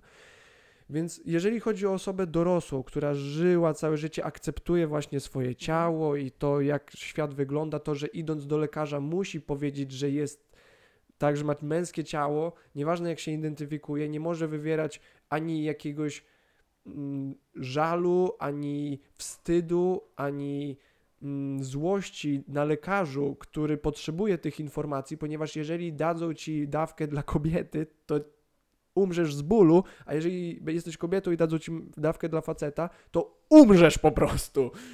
I, i ani jedno, ani drogi, drugie nie byłoby w porządku i byłoby bardzo destruktywne dla całego, powiedzmy, społeczeństwa. Więc teraz, czy jaki sens i czy w ogóle ok, jeżeli to jest ok, to wytłumacz mi dlaczego byłoby ok, żebym ja nagle powiedział, że od dziś jestem kobietą. Że w ogóle, że mam taką możliwość, że to nie jest poprzedzone jakimiś badaniami z psychologiem, rozmowami z bliskimi i tak dalej, tylko ja dzisiaj, bo prawne założenie byłoby takie, że każda osoba jest takiej płci czy identyfikacji, z jaką akurat tak, to jest ten cały gender flu, Mhm. fluent, coś takiego, że ja mogę z dnia na, z godziny na godzinę, z chwili na moment mówić, za kogo się uważam. I to w życiu społecznym, w kinie i tak dalej nie byłoby problemem do momentu, w którym byśmy dochodzili właśnie do kwestii medycznych, prawnych yy, i mm, medycznych, prawnych i sportu. Tu jest największy problem. Oj tak. Właśnie, co, jak ty byś określił tych mężczyzn, którzy, tak, bo to jest raczej w tą stronę problem, mężczyzn, którzy zmieniają identyfikację i nagle biją rekordy o setki miejsc do przodu. To jest jakby... Tak, to jest ciężkie, bo jakby niestety, jeśli chodzi o kwestie natury, trochę tego nie przeskoczymy. Jakby to, że na przykład, tak jak ty powiedziałeś, mógłbyś na przykład za godzinę stwierdzić, że jesteś, e, uznajmy, trans kobietą, która tak będzie postrzegana przez społeczeństwo, jak najbardziej, możesz to zrobić, tylko do, jeśli dochodzimy do kwestii właśnie badań lekarskich, to nadal będziesz mężczyzną, tak? Bo papiery są niezmienione i jakby dobrze warto powiedzieć o tym, że prawo nie łączy się z naszą głową i z naszym określaniem w głowie. Jakby... Więc nie zgodzisz się z tym, że to powinno być właśnie przy, e, przyzwolone, żeby taka płynność była powiedzmy w systemie prawnym, bo no właśnie jaki Ja w ogóle chaos myślę, by to że kwestia prawna jest dość trudna teraz, żeby to wszystko y, uzgodnić, bo na przykład, tak jak ty powiedziałeś, y, nagle y, mamy właśnie, można powiedzieć dobrze, transformację kobiety na mężczyznę, na przykład jest y, on sportowcem, tak, nagle i okej, on może startować, bo jakby wszystko prawnie zostało zmienione, tak, ale czy z drugiej strony to nie jest fair? Trochę, bo jakby ja rozumiem, okej, może startować, ma do tego prawo, ale wiadomo, że ma większe predyspozycje, tak? Nawet To głupi wzrost. To jest nieporównywalne. I chodzi mi o to, że okej, to wtedy może to się zmieni, ale to będzie trzeba wszystko bardzo, bardzo pozmieniać. Żeby to wszystko było albo bez podziału na płcie, chociaż wątpię, żeby to się udało w kwestii na przykład, nie wiem, sportów jakichkolwiek, bo tam będzie ciężko w ogóle to wypracować, jak to, gdzie ma, dlaczego. I wszystko bierze się od komunikacji, ja myślę, że naprawdę bardzo dużo trzeba o tym mówić. W ogóle e, im więcej my o tym właśnie mówimy, widzimy, to zaczynamy o tym myśleć, bo czasami w ogóle nasze jakieś tematy są odległe nam. I teraz jeszcze tutaj mm, ty mówiłeś o 13-latkach, 12-latkach i takiej grupie wiekowej młodszej. Mhm. Nastolatka. I tutaj jest ta sytuacja, gdzie po raz pierwszy od dawna się zdziwiłam, bo jakby grupa odbiorców jakby moich social mediów rośnie cały czas i to bardzo jakoś szybko.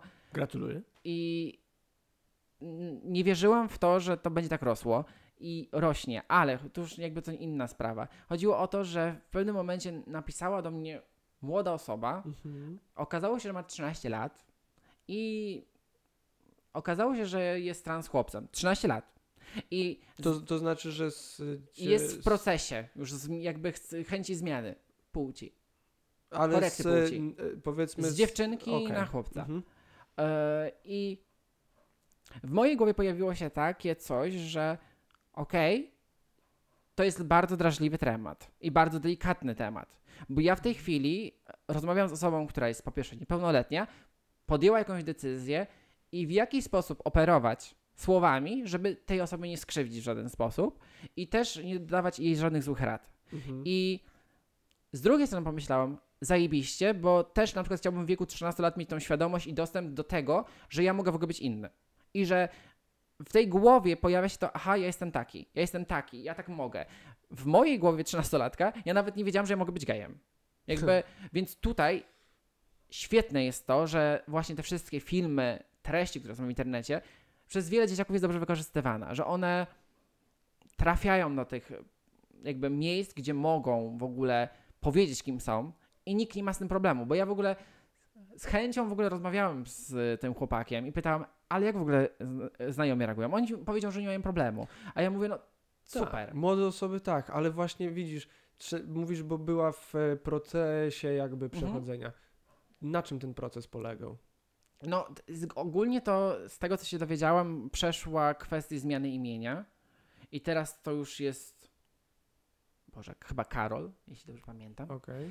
E, I chyba jest e, na chyba czymś odnośnie zapisu, tak, na korektę płci. Nie wiem, jak to do końca działa. Przepraszam, nie powiem wam dokładnie, jak to Mhm. działa, bo jakby takich szczegółów nie znam, ale dostałam informację, że jest w procesie zmiany. I miałem takie super. Naprawdę dobrze, że jesteśmy w etapie, w którym nie trzeba na to czekać, że jakby, tak jak ty powiedziałeś, możesz na przykład za godzinę stwierdzić, że okej, już nie będę tą osobą, że zmieniam to wszystko. I mamy tą możliwość to zrobić. Jak to będzie odebrane społecznie? Nie wiem, bo różnie na to może działać, ale ważne jest, żeby przed jakąkolwiek decyzją, którą przedstawimy światu, Mhm. trochę też uzgodnić ją ze sobą, bo tak jak mówiłem to wcześniej, będą te pytania. Będą pytania dlaczego, po co, ale I są jak najbardziej adekwatne, co Tak. nie? Bo czasami ludzie po prostu się o ciebie martwią. i trzeba potrafić odpowiedzieć na to pytanie. Nie trzeba, bo nie musimy niczego tłumaczyć. Ale, Ale dla siebie musisz Dla siebie odpowiedzieć. musisz wiedzieć dlaczego, Mhm. bo to nie są decyzje, które za chwilę ci się odwiedzi, bo I na to przykład nie jest decyzja, która, która będzie mogła ci się Tak. odwiedzić. to nie jest tak, że nagle ej, dobra, jednak już wracam do starego imienia, ogólnie całe życie sobie zmienię. Nie, to tak nie działa. I jakby to nie jest decyzja na pstryknięcie palca, że na przykład dzisiaj tak, ale jutro to już inaczej. I nie można robić tego pochopnie. Trzeba mieć po pierwsze wsparcie wśród ludzi, takich, którzy porozmawiają z tobą i powiedzą, aha, dobra, też tak myślę o tobie, tak też cię postrzegam i forma, w jaką będziesz się określać, nie robi dla mnie problemu. I żeby mieć chociaż tego jednego sojusznika, jednego, nie więcej, jednego, który po prostu będzie cały czas z tobą w tym procesie. Procesie oznajmiania ludziom, procesie zmiany, bo to nie jest proste. Nie jest proste to nawet w naszej głowie ułożyć sobie, bo tak naprawdę, okej, można sobie stryknąć palcem, jestem dzisiaj osobą niebinarną, ale tak naprawdę wszystko musi się ułożyć w głowie. Dlaczego, po co i w ogóle, czy ja tak chcę? Mhm. Czy ja, to jest mój wymysł, czy ktoś mi to zasugerował? Mhm. Bo nie mogę na przykład oglądając filmu, nie wiem, w wieku 10 lat stwierdzić, ej, jestem lesbijką. Właśnie. Bo to jakby musimy mieć tą świadomość w głowie. Musimy być na tyle dojrzali, żeby być świadomi, aha, tak, to jest o mnie, ja tak czuję. Bo no niestety możemy się zapędzić w tym wszystkim. Żeby po prostu być świadomym, że to wygląda tak, nie inaczej i nie chcę podążać inną drogą. I po prostu rozmawiajmy ze sobą, samymi w głowie i czasem nawet piszmy, co myślimy, bo po prostu mamy taki natłok w życiu wszystkiego i naprawdę warto po prostu, co najważniejsze, żyć w, w zgodzie z samym sobą i z szacunkiem do siebie. I tak, bo mówisz jeszcze o tych właśnie zmianach takich powiedzmy niefizycznych, to jest trudne właśnie do, nie, nie z dnia na dzień, do nie odkręcenia może, tak, do ponownej zmiany z, z powrotem, ale kiedy świadomość taka, że pewne zmiany fizyczne, czy to przez przyjmowanie hormonów, leków różnych, czy przez operacje plastyczne, nie będą odwracalne Tak. i nie będą czymś, z czym będziesz, z czym nauczysz się żyć, bo jeżeli wyobraź, wyobraź sobie, że ktoś nie lubi swojego ciała teraz, to wyobraź sobie, jak będzie musiał się czuć, kiedy Coś później tak. zmodyfikuje je albo dosłownie o, oszpeci, tak, okaleczy swoje ciało często, nie, nie tylko od zewnątrz, ale i od wewnątrz,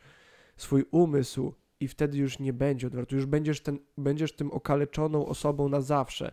I taka mała anegdota co do właśnie tych decyzji o tych zmianach.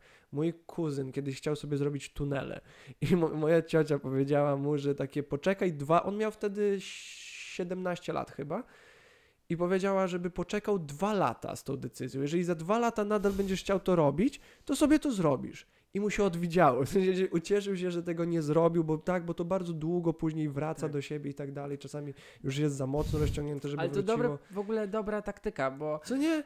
I tak samo z, z, proste, z tą zmianą, takie wiem, że to jest dla kogoś, kto nie lubi swojego ciała, cokolwiek. Myślę, że są inne techniki, jak nie wiem, ćwiczenia fizyczne, jak właśnie jakiś mindfulness, jak terapia z psychologiem, żeby to ciało zaakceptować, tak jak na przykład ty akceptujesz swoje ciało, tak nie mówię, A że trzeba poznać siebie po prostu. Dokładnie, dok o pięknie to ujęte. Trzeba, musisz poznać siebie i załóżmy, kiedy masz te 18-25 lat, kiedy twój mózg chociażby już jest w pełni uf- uformowany i wiesz, że sam za siebie możesz odpowiedzialne decyzje podejmować. Ja na którymś z podcastów też mówiłem, że takie mam wrażenie, jakby mój mózg już troszeczkę przestał się rozwijać, bo widzę o ile bardziej dojrzale i mniej chaotycznie patrzę na świat. I ja no, jestem całkiem samoanalityczny, więc mogę zauważyć, wskazać tą różnicę, ale uwierzcie mi wszyscy, że ta różnica istnieje, czy ją czujesz, czy nie. Mhm. Więc właśnie pogodzenie się i przeanalizowanie, upewnienie się w takiej decyzji, a później jeszcze zaczekanie, w, takie próba czasu na tej decyzji będzie bardzo korzystna i bardzo konstruktywna dla, dla samej jej podjęcia, dla samej tej decyzji, dla samej tej zmiany. Tak. I wydaje mi się, że o, to, to jest wa- bardzo ważne, żeby pamiętać, jeżeli jakaś osoba teraz może zastanawiająca się nad e, takimi zmianami tego słucha. I kończąc, bo zaraz muszę wyjść dosłownie, proszę Eli powiedz, czy masz może właśnie jakąś wiadomość, poradę dla ludzi tu obecnych jeszcze. Nasunęła mi się jedna myśl o tych właśnie zmianach, o których mówiliśmy, że warto też pomyśleć na przykład o głupich detalach, że na przykład nawet jak zetniemy włosy mając je długie, to już ludzie zadają pytania, dlaczego to zrobiliśmy. Przefarbowanie włosów. Dlaczego to zrobiliśmy? To są małe detale. To są detale, które nie zmieniają niczego, ale też trzeba mieć na to już przygotowaną odpowiedź. To pomyślcie sobie z drugiej strony, że jeśli na to nie macie odpowiedzi, dlaczego to zrobiliście, to jak macie wytłumaczyć na przykład, że mają was okreś- odbierać w taki sposób, a nie inny? Na przykład, że jesteś dzisiaj osobą niebinarną, kobietą, mężczyzną. I jakby spróbujcie na takich małych rzeczach sobie już popróbować, czy umiecie tu argumentować, bo naprawdę pytania o ścięcie włosów, kolor włosów mogą się powiedzieć od razu, nawet bez tego, że na przykład zmienisz określanie z siebie jako osoby. Więc warto komunikować sobie w głowie, dlaczego to robię i po co to robię, bo robisz to dla siebie, tak jak powtarzałem wcześniej, to ze sobą jesteśmy całe Mhm. życie i to ważne, żebyśmy się ze sobą dobrze czuli, więc jeśli jakąś decyzję podejmujesz, to podejmuj ją dla siebie, nie dla innych, bo nie wszyscy muszą cię kochać. Nie każdy musi cię lubić w ogóle. Dokładnie. I to jest w ogóle nieważne. Jakby ważne, żebyś siebie lubił, a reszta to tam, jak cię polubią, to polubią, jak nie, to nie. A Trudno. reszta to tylko szum. Tyle. Z Bogiem. Dziękuję Ci bardzo za rozmowę. Dziękuję bardzo. I dzięki wszystkim za słuchanie. Macie kolejne dwie godziny i dla Znowu nas już też. Z Bogiem. Elo.